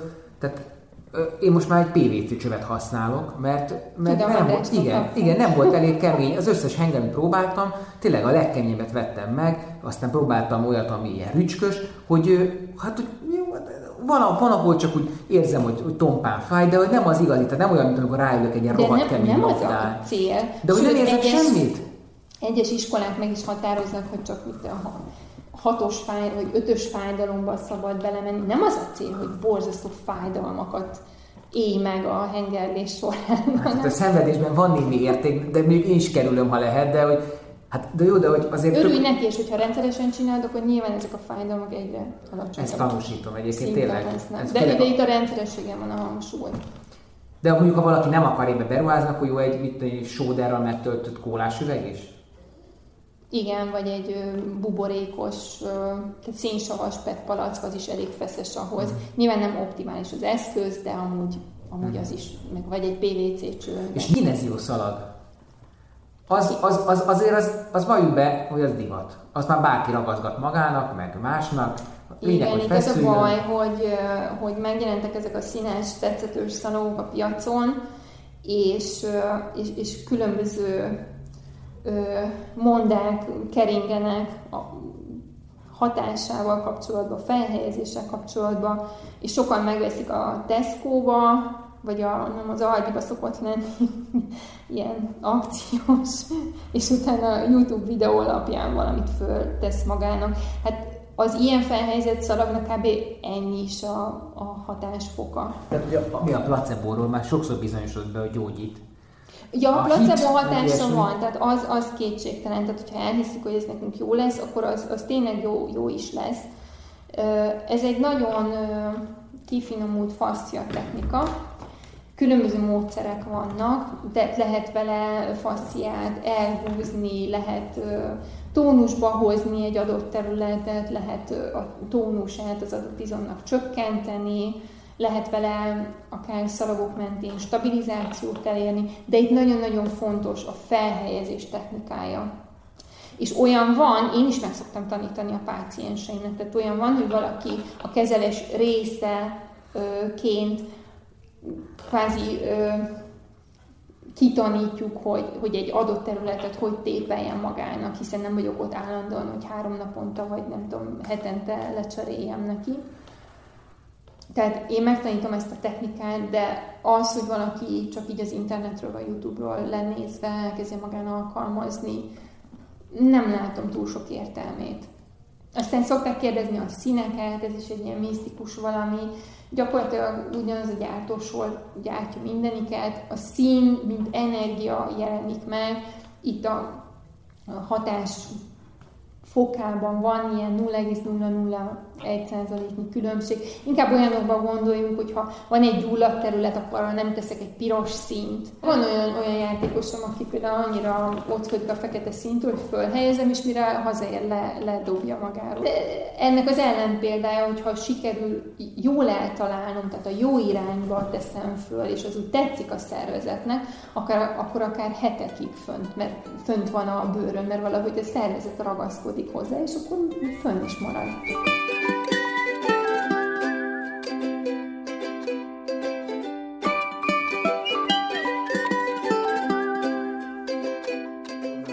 Egy átlagember megsérül, sielés közben térszalag, nem tud járni. Ugye addig mindent megcsinál, addig a mankót el tudja dobni, és autót tudjan vezetni. Amint ez megvan, mindenféle gyógytorna abban marad, megmaradnak a izom, hegesedések, diszbalanszok, ezért egyensúlytalanságok, és, és élnek tovább, és rá fognak sérülni a következő sportnál. Mert ugye egyébként erre egy, egy gyógytornásznak nincs kapacitása, hogy még a meggyógyítás után, tehát null állapotba hozás után még Meg ezt javítgassa? Ez is az ő asztaluk annyira. Tehát ez már inkább, ez majd nem egészséges az ember, és itt már csak az izmokat kell például kettős végtag esetén, hogy az egyik lábadat, kezedet fölhozni a másik szintjére. Uh-huh. Ez már, ezt én is meg tudom csinálni a gyógytorna részét, én nem tudom. A gyógytorna ezt mindkettőt meg tudja csinálni, de ő neki fontosabb az a munkája, amikor a frissen műtött ember, hogyan nem rontjuk el a jó sikerült műtétét. Vannak azok az emberek, akik mondjuk törzsizmok, tartás, derékfájdalom miatt járnak, az egy ilyen Végtelen. Az egy lifetime, vagy polckoromsér, avval örökké lehet, azt lehetne otthon is csinálni szorgalomból, de az örökké, de aki egy sérülés után jön, az, az, az rengeteg embernek mondtam, hogy igazából mi végeztünk, jöhet hozzám, ha akar törzsizmozni, vagy bármilyen célja van, de általában még az átlagember is úgy jön, hogy vissza tudjon térni a squashához, a teremfociához, a, és akkor ott véget ér a dal, amit vissza tud térni. És akkor van a másik, aki meg mondjuk eleve jó állapotban és nem sérült, vagy sérülésből lábadozik, hanem mi erősebb akar lenni, vagy jobb akar lenni, vagy, vagy egyszerűen napi karbantartás akar? Van ilyen, aki ez szorgalomból eljön? Hát hölgyeknél van a fogyni akarok buli, meg férfiaknál inkább ez a, ez a tehát belecsapnak valami divatos sportákba, kettlebell, TRX, crossfit, ilyesmi, csak nincsenek meg hozzá az alapok, és megsérülnek, és akkor jönnek törzsizom. Mindenkiről kiderül, hogy van egy tartáshiba, van egy, van egy törzsizom gyengeség. Nem a tökéletességgel jönnek ide, mindenki általában akkor fordul ide, ha, ha volt egy tevékenység, amit valami külső hatássérülés miatt abba kellett hagynia, és ő azt újra folytatni akarja. És addig, ahogy ezt már korábban mondtam, mindent megtesz, amíg azt újra folytathatja, és utána jaj, gyere még vissza, meg kicsit pupos vagy, kicsi mellizom, tehát vannak olyan dolgok, amit te helyre teszel és kinyújtasz, és akkor egy kicsit jobb lesz, de ha mondjuk a gép előtt ülő irodai munkától van ez, és jársz hozzám fél évet, akkor kicsit jobb lesz, de visszaülsz, és ugyan visszaáll. Tehát mhm. azért, azért nagyon sokféle dologtól lehet ugyanaz a. És mi, a, mi mondjuk a le, mi az a pár dolog, ami, ami alap lenne, hogy az ember napi szinten foglalkozzon vele, vagy akár heti kétszer? Tehát mi, a, mi az, ami, ami hosszú távon is megőrzi mondjuk a fittségünket, egészségünket, tartásunkat. Egy átlag ember, igen. ezt nagyon össze tudom foglalni, Pilates. Pilates? Mm-hmm. Mély izmokat, törzsizmokat dolgoztat meg, van gépes Pilates is, több fokozata van. Na de attól mondjuk még az én gerincem nincs feltétlenül karban tartva. De, attól karban. Igen? Tehát akkor a mély izmok. Tehát nem azt, amit több én... mély izmok, igen. Ez az alap. Mi volt a csípőhajlító és? Így. Lapocka Lapocka. Ez a kettő? Mert ez, a, ez adja meg a tartást? Hát ez a civilizációs alsó, al, felső kereszt, alsó kereszt szindrómának hívják, előre van billenve a medencét, attól van a kacsalárás. Tehát ez nem sok igazából, ha, mármint, hogy két gyakorlat. Két terület. Két terület, jó, oké. Az se sok. Nem, de mégse csinálja senki. Te csinálod? Nem. de kéne? Megmutatni meg tudod. Nekem annyira nem. Nekem nincs vele és mi a tapasztalatod, hogy a korszellemmel kapcsolatban, hogy mindenki gyorsan akar mindent elérni, vagy mindenki nagyon gyorsan akar lefogyni, meg mik a tévképzetek, amik a, amiket találkozol leggyakrabban? Senki sem akar életmódot váltani, és hosszan egész hátralévő életében kevesebbet tenni és kicsit edzeni, hanem akkor rohanjunk neki, és a lányom esküvőjére dobjunk le 50 kilót. És, és mikor van a lány esküvője? Mondja februárban, hogy május 30 és ez nem reális? És mondtam, hogy ez se kerekszemüvegem, se varázspálcám nincs. Ezeket nem vállalom. Meg lehet csinálni, teljesen értelmetlen, nem fog enni három hónapig, kifejni fog a bőre. Igazából hogy mindenre azt szoktam mondani, van egy végeredmény, amivel idejöttél, amin dolgoztál 30 évet, hogy ez kialakuljon. Elhisztál. Jó, lehet, hogy a gyerekek óta hisztál el az utolsó tíz évben.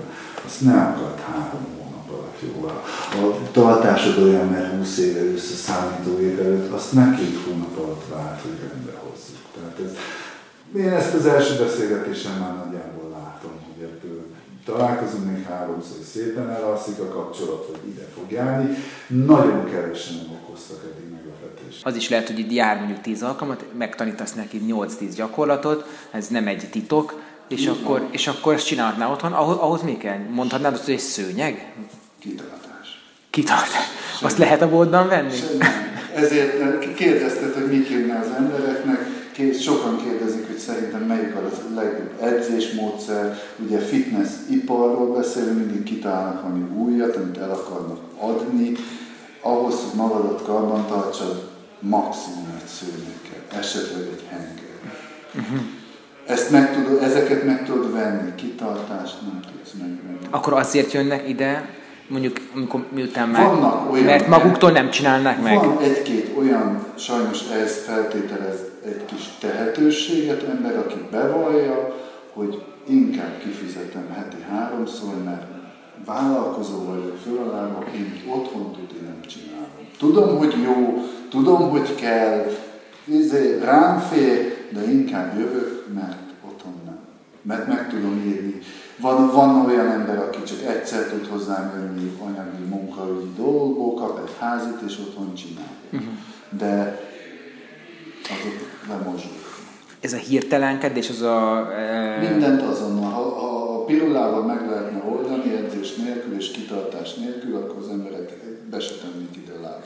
A mai világban szerintem sokkal többen sportolnak, ez nagyon jó, de, de nagyon sokat lehet szó zenéről, építék, bármit, tehát ne, ne a csúcsot nulláról, ne a középszinten, nyelvről, ne a közép, és most mindenki a sportot, megnézi az ultrát, meg, megnézi Lubicínit, és akkor ő most fut egy ultra Balaton, baszt ki előtt, fussál pár szigetkört. Uh-huh. Tehát ne, ne, kita, nem akarják bele, de ez a fogyásra is igaz, bármire nem akarják a hosszú, kitartó, aprólékos építkező munkát beletenni, hanem egyből látványos, posztolható, éremmel járó, a kitartás az csak tőled függ. Ugye pont azért, mert nem kell hozzá eszköz, egy A4-es papíron megkapod a feladatokat, és csak az a kérés, hogy ha mondjuk gerinces vagy, hogy minden órában csináld meg, vagy minden két órában, ezt pontosan tudja Judit, mikor leírja a papírra,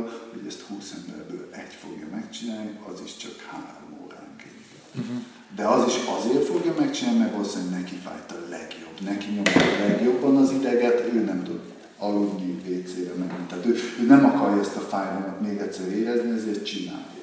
De akinek csak úgy néha kicsit zsibbat lába, ez az, az, az, az És ennek is vannak ilyen durvább szintje, tehát mi, mi, mi most ide beállítana mondjuk a Bayern Münchennek a kezdő 11 akkor azok már olyan szinten vannak, és annyira bonyolult, és annyira nehéz gyakorlatokat csinálnak, vagy ugyanazt csinálják, mint bárki? Nem, bonyolultabbakat is ne. Tehát ugye a, neked amúgy is nagy kedvenced a magyar foci, azért az MB2-es 3-as 20 éves gyerekek azért olyan kondiban vannak, és olyan gyakorlatokat csinálnak, hogy mindenki elsírná magát. Köztük én is, ha nem csak bemutatnom kéne, hanem végigcsinálni. Tehát, igen. igen. És, az, és ők a Bayern Münchentől nagyon-nagyon messze van. És mi a leggyakoribb, mondjuk top három dolog, ami, amivel jönnek? Tartáshibák, hát általában a derékfájdalom, ugye fogyni akarás, vagy, vagy sérülés. Ez a három. De a sérülésen belül nagyon változatos? Vagy van egy ilyen standard? Mit Munkatér. Ez a síelés miatt? Hát kinek a teremfoci, kinek a síelés, kinek a átlagembernek is sajnos megsérül. Garantálható katasztrófa. Tehát, hogy a, de, tényleg, de jól hangzik. Tehát ez a...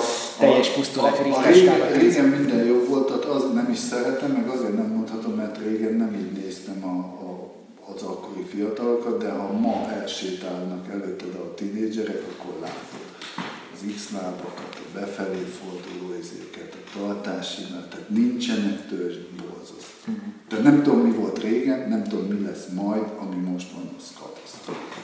Nekem ez a mondani van, ez a melyik a jó edzés, az, amelyiket nem hagyod abba, és egészségesen csinálod. Tehát teljesen mindegy. A, a, a, amiket felsoroltam, és amiben megsérülnek, ott sem a sportággal van a baj, hanem, hanem valamilyen oknál fogva most, vagy azért, mert csoportos, vagy azért, mert teljesen kezdő nem helyesen végzi a gyakorlatot és ezért mondom, hogy teljesen megjönnek a kettlebell jobb, vagy a TRX, vagy a saját testsúly, vagy a konditerem, vagy hogyha átlagem, nekem mindegy, amelyiket nem hagyod abba. Uh-huh. Ha egy év múlva itt leszel, egészségesen csinálod azt, amit választottál, biztos, hogy fog. Útrát futni se tudsz futás nélkül. Hiába öltözöl be, veszed a hokát, a nem tudom mit a láb, jól nézel ki, hogy mondják ezt?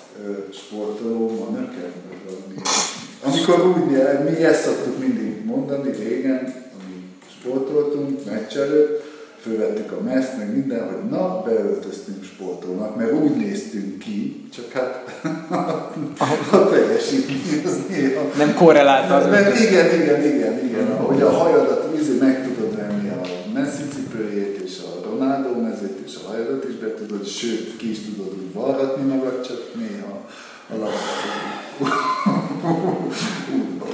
Nem, nekem tényleg ez a, ez a kettő, ez a, a, a, a kitartás. Kitartás és egészségesen csináld. És, és igazából önmagam ellen beszélve nem biztos, hogy sok a feléhez én nem is kellenék, uh-huh. mert otthon meg tudnák csinálni. De azért vannak bizonyos szint fölött, bizonyos nehézségek gyakorlatilag, amik pont azért nézenek kívülről, mert nem látod belőle, hogy azt hogyan. A kivitelezést. Igen, igen.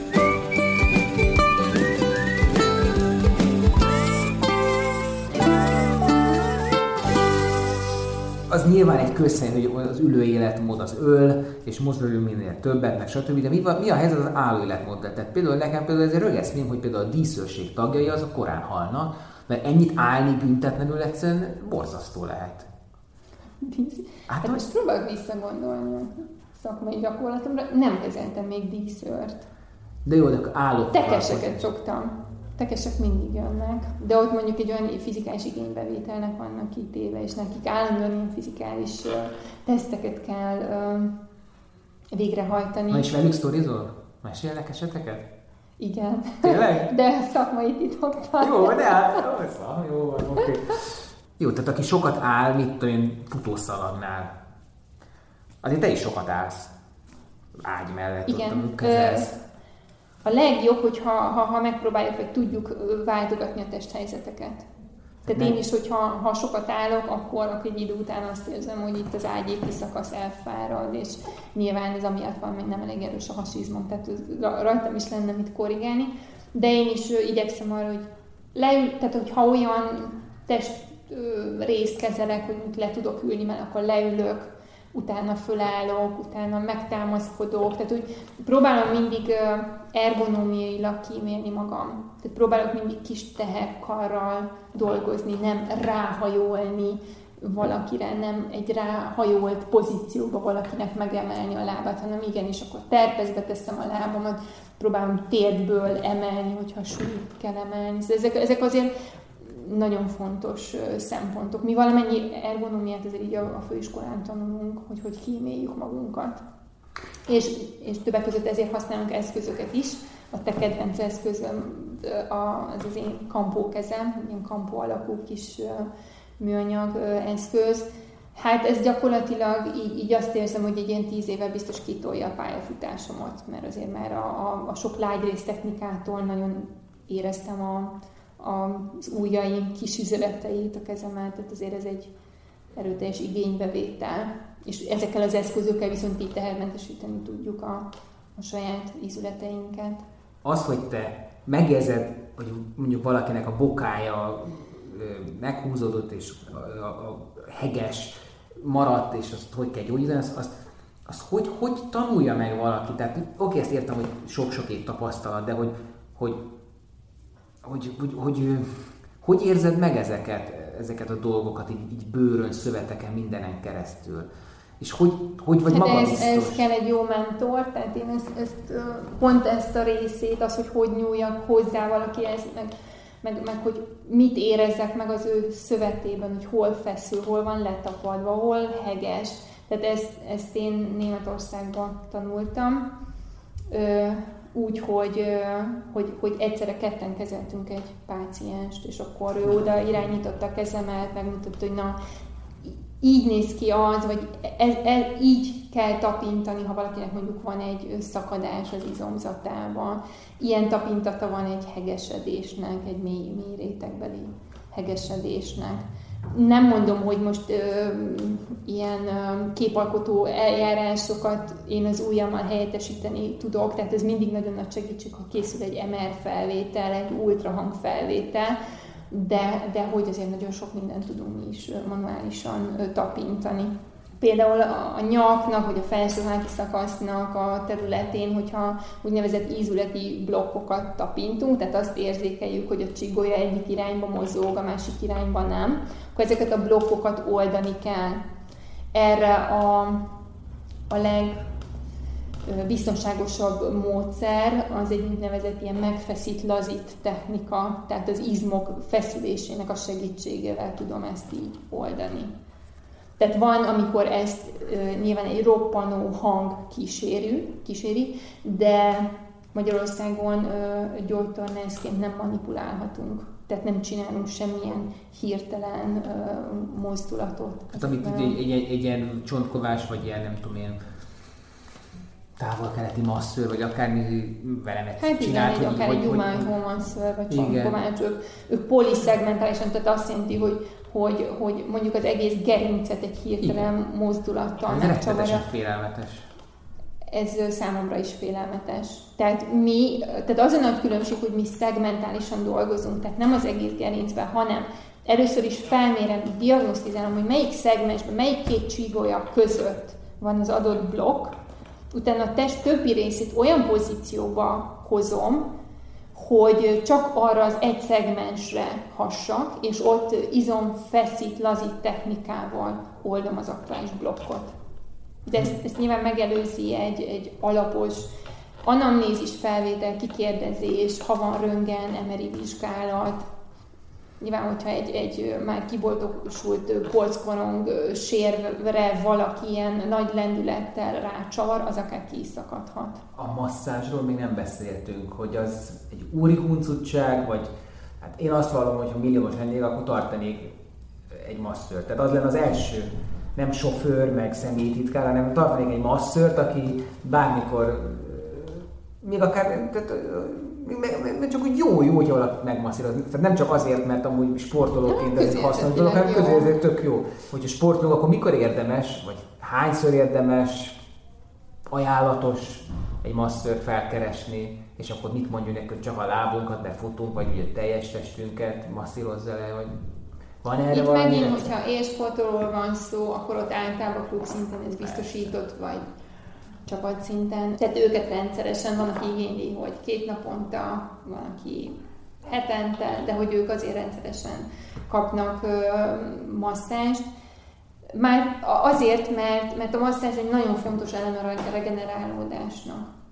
Aki hobbi szinten sportol, én nekik is azért azt szoktam ajánlani, hogy valamiféle rendszerességet, akár het, havonta egyszer, vagy, vagy hat hetente, de nem lehet az izmokat mindig csak, csak, csak igénybe venni, csak terhelni, hanem néha kell egy lazító fázis is. És Ez erre például tökéletes a masszázs. Azért azt tudni kell, hogy a masszázs önmagában az egy passzív technika.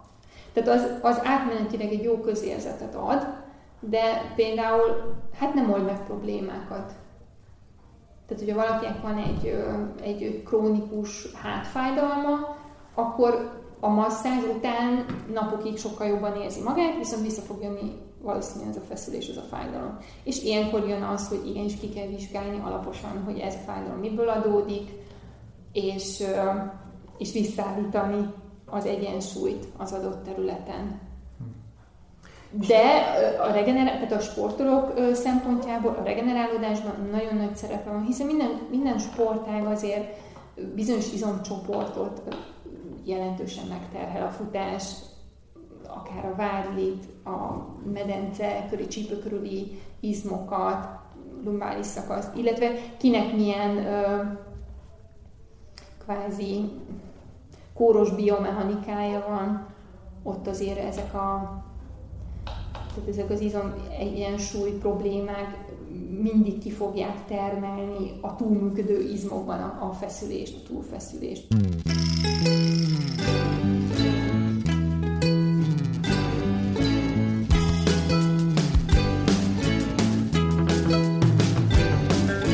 És hogyha mondjuk egy nagyon egyszerű, de mégis bárhol végezhető karbantartási tervet kéne mondanod futóknak, igazából napi szinten amatőr módon sportolóknak, akik igénybe veszik magukat, de nem feltétlenül határterhelésben mennek, akkor mit csináljanak? Tehát mondjuk mi az, a, mi az amire figyeljenek? Tehát, itt most egy ilyen nagyon általános receptet szeretnél, hogy, hogy mik azok a típus olyasmit, problémák, amik... Olyasmit, hogy mondjuk minden, ami természetben elvégezhető, az mondjuk nem káros, gondolom én. Tehát ha van egy faág, arra húzockodom, az nem fog nekem ártani gondolom én. Vagy nem tudom én, üljünk tévénézés közben haránt ülésben. Tudom, mert az, mert az nyújtja a medencét vagy a csípőt. Az a baj, hogy tehát a mi szakmánknak pont ez a lényeg, hogy ezeket a tanácsokat annyira egyénileg adjuk. Egyénileg, aha. Mert most például aki, akinek van egy egy rossz tartás, és én mondjuk nagyon görnyetten ül a tévé előtt. Neki azt szoktam tanácsolni, hogy inkább úgy nézzen tévét, hogy hasra fekszik, és alkart támaszba, tehát hozzon létre egy homorulatot az ágyéki szakaszon. De az az ember, akinek amúgy is fokozott ágyéki ö, homorulata van, annak nem ezt a tanácsot fogom adni nyilvánvalóan. És Tehát az... nincsenek ilyen, szerintem, én nem tudok legalábbis, lehet, hogy van olyan kolléganőm, aki tud ilyen, ilyen nagyon általános, nagy igazságokat. Én, az, az egyedül igazság, amit, amit így kimondanék, ez az egyensúlyra való törekvés. Tehát például, hogyha csinálok hasizmot, akkor utána csináljunk hátizmot is. Ha, ha dolgozom, ha csinálok fekvőtámaszt, dolgozom a ugye a bicepsre, a, a mellizmokra, akkor utána csinálják egy pár laposzka zárót, meg felsőháti szakasz ö, gyakorlatot, hogy ezt a, ezt, a ba, ezt a balanszt fönn tudjam tartani. Ha én napi 8 órát ülök egy székbe, ami azt jelenti, hogy a, test, a, a csípő előső izmai, a horpaszizom napi 8 órában egy megzsugorított ö, helyzetben van, a nagyfarizom pedig napi 8 órában egy túlnyújt helyzetben van, akkor nyilván valami olyan tanácsot fogok adni neki, ami ezt az egyensúlyt visszaállítja. Tehát csinálja mondjuk medence emeléseket háton Csak ezekkel az a baj, én ezt értem, tök hasznos, de hogy az emberek nagy többség azt mondja, hogy ez olyan béna, hát ez, hogy, hogy ez nincs sportértéke, nem vagyok tőle vagány. Tehát, hogy, hát hogy, igen, hogy, de pont ezen szoktak meglepődni az emberek, hogy mindenki mondja, hogy hát úgy eljön jól tornázni, és pont ez a gyogyótorna az, az, ami beugrik mindenkinek. És akkor itt a leg, legbagatelebb gyakorlatoknál, a harmadik ismétlés számnál beáll a remegés, és, a, és az izzadás, és a, szóval akkor jössz rá, amikor célzottan egy-egy izomcsoportot ö, dolgoztatunk, vagy, vagy mondjuk egy, egy funkcionális gyakorlatnál úgy végeztetem, hogy hogy helyes biomechanikával, hogy mennyivel nehezebb úgy megcsinálni. Tehát ilyenkor, be, ilyenkor így átfordul a, a, a kocka, és akkor így, így beáll az alázat. Egy tanúsítom, mert mindenki, köztük én is természetesen halhatatlannak és szuperembernek érzem magamat, és amikor egy ilyen nagyon primitív, á, hagyjál már típusú, mint olyan has izomerősítő gyakorlat van, vagy csak egy, vagy csak egy olyan, ami tényleg annyira triviális.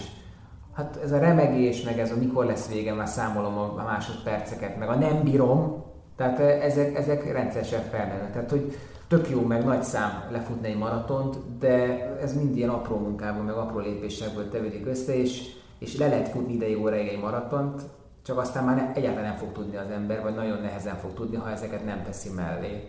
Ez így van. egy nyújtás, vagy egy ilyen és nyilván itt, itt mindig a terhelési Gyakorlat. szintől függ. Tehát, hogyha valaki heten kétszer fut négy kilométert, ahhoz azért nem kell különösebb nagy adottság. De ahogy nő a terhelési szint, ezek kiéleződnek. És mi, ahogy visszakanyarodva arra a témára, amit végül nem beséztünk ki, hogy az iskolában ezeket az alapokat nem kapjuk meg, sőt, sőt nagyon sokszor biomechanikailag borzalmasan rossz gyakorlatok rögződnek az emberekbe. Például ez a hátonfekvésbe páros lábemelés tehát ha van valami, ami kinyírja a lumbális, tehát az ágyéki szakasz, nem, a két. Amikor fekszel a hátadon, nem, amikor fekszel a hátadon, Igen. és lentről a földről, nem ollózgatni, egyszerre megemeled a két lábadat föl ö, függőlegesig, és utána leengeded. Ezt mire csináltatták, vagy miért? Hasizom gyakorlat, alsó hasizomra. Na most akinek nincs elég erős hasizma az, hogy folyamatosan az ágyéki szakaszt leszorítva tudja tartani, olyan nyíróerőt lépnek föl az ágyéki szakaszon, hogy, hogy a polckorongok igen, csak megsínlik. És ezeket a gyakorlatokat, ezeket a mintákat hozzuk sajnos magunkkal az iskolai évekből, és amikor néha nekiállunk erősíteni, akkor ezeket veszik elő a talsójunkból. Hmm. Tehát én, én, én abban látom, és én ezzel már nagyon sokat gondolkodtam, hogy, hogy valahol az iskolába kéne olyan szakembereket kihelyezni, illetve a testnevelő tanároknak olyan képzést, olyan továbbképzést tartani, hogy ezeket ott, ott az alapokat ők le tudják tenni, meg tudják fogalmazni, tudjanak korrigálni rossz biomechanikájú tartást, ülést, egy zsámolyra való fellépést. Tényleg most annyira kiéleződött ez, hogy, hogy, hogy sok a sarlatán, hogy azt gondolom, hogy mielőtt egy terapeutához fordulsz, hogy azért nézd meg, hogy mi a végzettsége, mi a szakmai gyakorlata, mindenképpen ajánlásra menjünk, ne az interneten nézzünk ki egy adott szakembert. Tehát nyilván, hogyha ha azt látod, hogy ilyen párnapos tanfolyamon végzett, vagy, vagy, vagy nem a képesítésének megfelelő, ö, tehát mit tudom én, egy személyedző kiírja magáról, hogy ő, ő, ő gyógytornát vállal, ez, tehát, hogy vegyük észre ezeket az ellentmondásokat. Mindenkinek ebben a nagy-nagy-nagy rendszerben mindenkinek megvan a saját maga szerepe. Mint ahogy, ahogy ebben a rendelőben, ebben a stúdióban is ö, sok szakember munkája épül egymásra, és ez tökéletesen működik. Tehát úgy, ahogy én sem kezdek el megműteni egy keresztszalagot, pedig, pedig nagyon sok ilyen műtétet láttam. Tehát nem veszem át az orvos szerepét, nem kezdek mondjuk diagnosztizálni ö, olyan komoly mondjuk neurológiai eltéréseket, ami, amiben, amihez nincs jogosultságom. Tehát ezt meghagyom az orvosnak. Sokkal könnyebb nekem is, hogyha már úgy jön ide, hogy, hogy van egy diagnózis, ami én alapján el tudok indulni. De azt is tudom, hogy például egy sportrehabilitáció utolsó fázisát, amikor már sportspecifikus gyakorlatokat kell csinálni, amikor neki ki kell menni a, a pályára, a futó rekordtán pályára, akkor egyrészt nekem könnyebbség, hogy nem nekem kell vele menni, másrészt én nem tudok focizni, tehát én nem fogok tudni olyan gyakorlatokat vele csinálni. Tehát, tehát erre megvan az a szakember, aki mindig csak erre specializálódott. Itt a rendelő körülményei között pedig azt gondolom, hogy úgy rehabilitációs téren elég jól felszerelt rendelőnek számítunk, de nincsenek, nincs például olyan tér, hogy, hogy mondjuk sebességet, dinamikát jelentősen tudnánk javítani. Tehát ilyenkor nekem át kell adni a megfelelő szakembernek. Tehát én nagyon hiszek a csapatmunkába, a team munkába, és, és abban, hogy mindenki a saját területén legyen jó, és utána adja tovább az, az illető ö, sportolót annak a szakembernek, aki optimálisan abban a fázisban tovább tudja vinni, és, és, és pályára tudja visszasegíteni. hozzád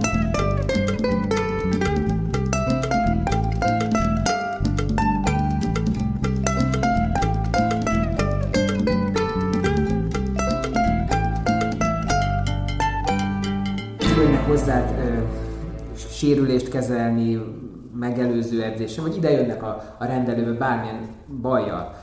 Azért mégis ez egy intim kapcsolat, hogy ott, állsz nulla méterre valakitől nyomkodod, tehát hogy kicsit olyan, mint azok a foglalkozások, ahol ez a testi kontaktus, mondjuk a fodrász, a kozmetikus, vagy nem tudom én, hogy a masször is ilyen, tehát hogy, hogy ott óhatatlanul valamiért az emberek tökre megnyílnak, valójában az intim közeg az, az, így, az így beszélteti, vagy köte, szint, szinte az van, hogy, szint, hogy muszáj beszélni közben, nem tudom, hogy ez miért mm. szüli ez a helyzet, de hogy te nagyon sok plegykát tudsz, meg nagyon sok pletykára, hogy tudója meg, meg olyan dolgokat is megmondtak neked. Kíváncsi vagy egy pletykára? Nem, nem tudom, hogy mire akarsz kiugrani. Nem, arra, hogy, hogy valóban ez egy intim közeg, mert másfél meg azt gondolom, hogy, hogy a gyógyítással, vagy az van össze, hogy ne beszéljünk, maradjunk csöndben, figyeljünk oda, koncentráljunk, nem tudom én maradj. Tehát, hogy, hogy beszélgetés van, vagy inkább, vagy inkább ez a, ez a, ez a ez nagyon egyénfüggő. Nagyon egyénfüggő, mert van, akinek mondjuk olyan annyira komplex a problémája, hogy tényleg végig kell koncentrálnom azt az 50-60 percet, amit kezelem. Másrésztről azért szeretjük néha beszéltetni is a pácienseket, mert én nagyon-nagyon hiszek a, a sérülések, illetve a, a, a krónikus problémáknak a pszichoszomatikus hátterében. Tehát, hogy, ja, hogy például ezek a gerinc problémák valahol mindig egy olyan élethelyzethez kapcsolódnak. Tehát, hogy például az a, az a kis polckoron kiboltosulás, az neki megvan évek óta. De hogy az most éppen miért most lobbant be. Mert mondjuk elbocsátás közelbe került, vagy mondjuk vállófélben van, ilyesmi, ez közel lehet. Ezek Én azt hiszem, hogy azt sportolóknál ez, ez a, olyan szinten nyomon követhető, hogy hogy mondjuk valakit parkolópályára állítanak, tehát ő nem kerül be a csapatba, cserejátékos lesz. Akkor még sérülékenyebb lesz. Akkor biztos, hogy valami... Szóval valami az óló még jobban nyílik.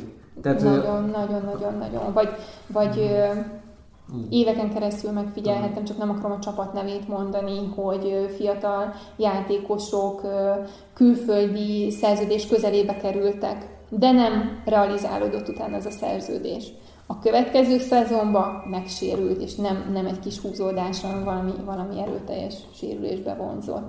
Tehát, hogyha a fejben nincs rendben a játékos, tehát, hogy, hogy egy kicsit ezt a területet is fel kell ö, térképeznünk, és nyilván, hogyha látunk valami valami egyetemű összefüggést, vagy, vagy látjuk, hogy a, nagyon nem akar kigyógyulni abból a sérüléséből, vagy, vagy amikor ö, hosszú parkoló pálya után végre lehetőséget kap, és ő akkor mindig megsérül, tehát nem bírja azt a fajta terhet, akkor azért sportpszichológushoz szoktuk irányítani ezeket a játékosokat.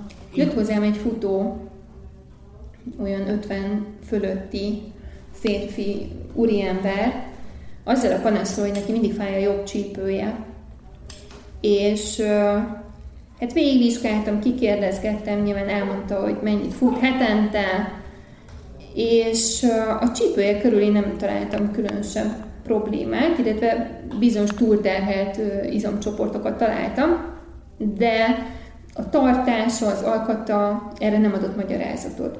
Felállítottam a futópadra, megnéztem, hogy hogy sétál, az tökéletes volt. És akkor kértem, hogy kezdjen el futni.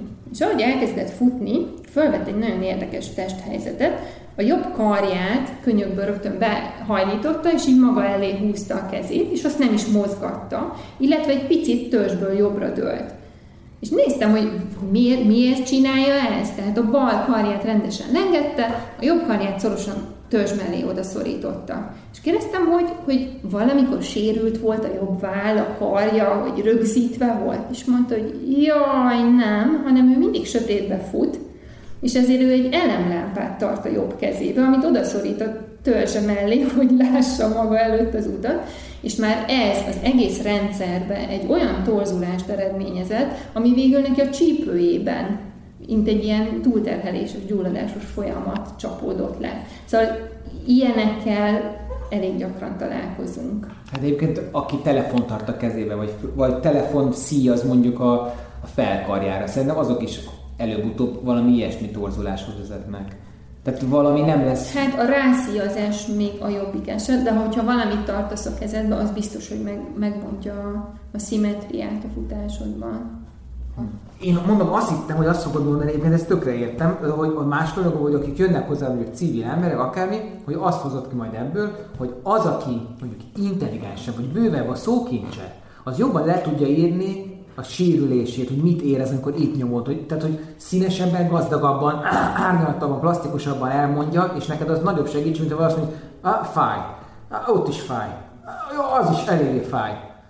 Nyilván mindenki más testtudattal rendelkezik, tehát néha, néha nagyon kihúzni valakiből, hogy, hogy most az a fájdalom, az milyen jellegű, a kezelés hatására, hogy változott, nem változott, de általában, amikor fölveszük az anamnézist, amikor először jön valaki, és én kikérdezem, akkor nagyon célzott kérdéseket teszek fel, különben itt ülünk három órát, hogyha, hogyha hagyom, hogy valaki az iroda vénájának szabadjára engedve így.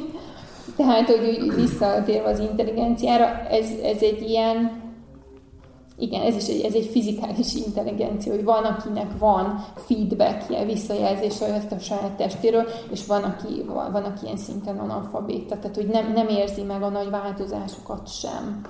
És ilyenkor pedig, tehát vannak olyan páciensek, ezek kifejezetten ilyen kicsit negatív hozzáállású emberek, visszajön, és semmi nem változott, nem jobb, nem jobb.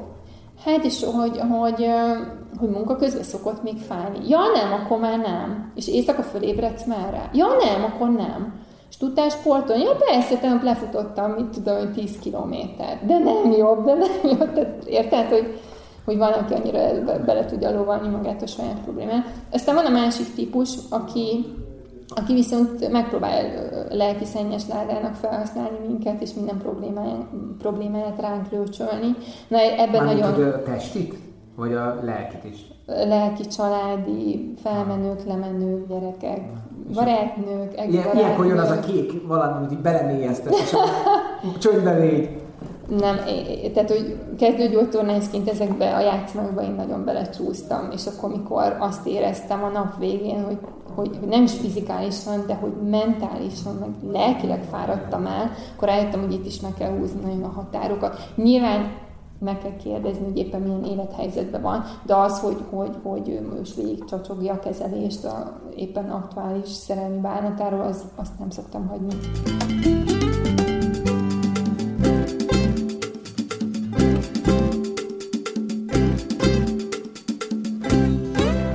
kezdtük ugye a szezonálisan, mik azok a sportok vagy tevékenységek, amikkel hozzáérkeznek. Kezdtük a télen a síelés és a korcsolyázás. Síelés, korcsolyázás. Aztán tavasszal a kiskert felásása. Tavasszal jellemzően a kerti munkák, igen, ezt, ezt gyomlálás. számomra, de igen. Nyáron ö, meglepő, de hogy olyankor a klíma okoz rengeteg ö, ízleti problémát. Tehát nagyon sok, tehát hogyha... A kocsi klíma meg az otthoni Kocsi klíma otthoni, olyan, olyan vágygyulladással. tehát, hogy arra például az egy ilyen jó tanács, hogyha klimatizált helyiségben vagyunk, akkor például a, a nyakat, a vállat fedjük be egy pólóval, valamivel, tehát hogy ne ilyen spagetti pántos kis ruckókba menjünk be dolgozni, úgyhogy mondjuk a klíma így a, a nyaki vált területre megy. Össze? Ja, összekezdődik a szezon a fociban, ugye nyár végén ősszel, akkor jelennek meg a, az első sérültek. Ez a teremfocizások, meg ilyenek? Nem, nem, az már a nagypályás. Az alapozó időszak az egy nagyon intenzív terhelést jelent számukra, és ilyenkor egyrészt a régi sérülések újra manifestálódnak, újra problémát jelentenek, akkor egy kicsit azokat megint karban kell tartani.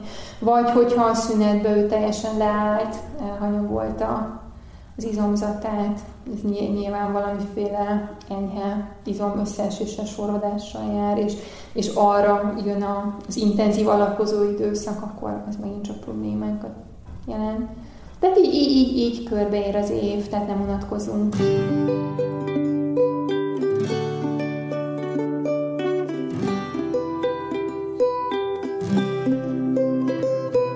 Elmesem a legérdekesebb esetemet egy lány fölhívott egyszer csilingelő hangon, hogy hát neki így levágták három ujját, és szeretném rehabilitálni, és akkor az első sok, így majd kiesett a telefon a kezemből, hogy három új, és úgy, de mondja, hogy hát visszavarták, és hogy már egész jól működik, és ugye alig vártam az első alkalmat, hogy meghallgassam a, a mögött álló sztorit, és a, a sztori az egy rendezvú volt, ahol a lány ült a fotelbe, egyik kezébe egy boros pohárral, másik kezével pedig, hát így gesztikulált, magyarázott van.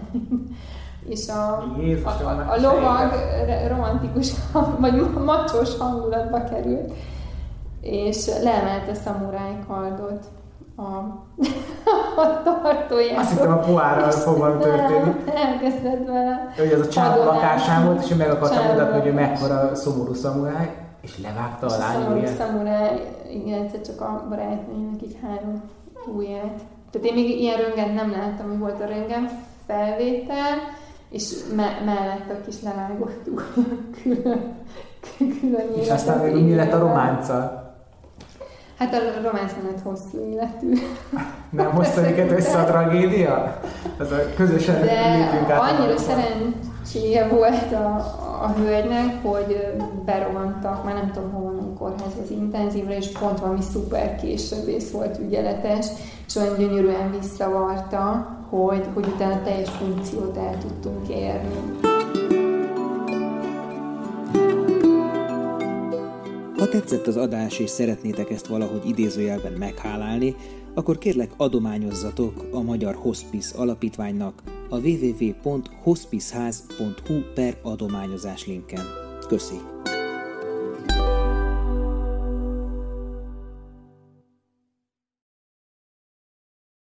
A műsor a Béton partnere.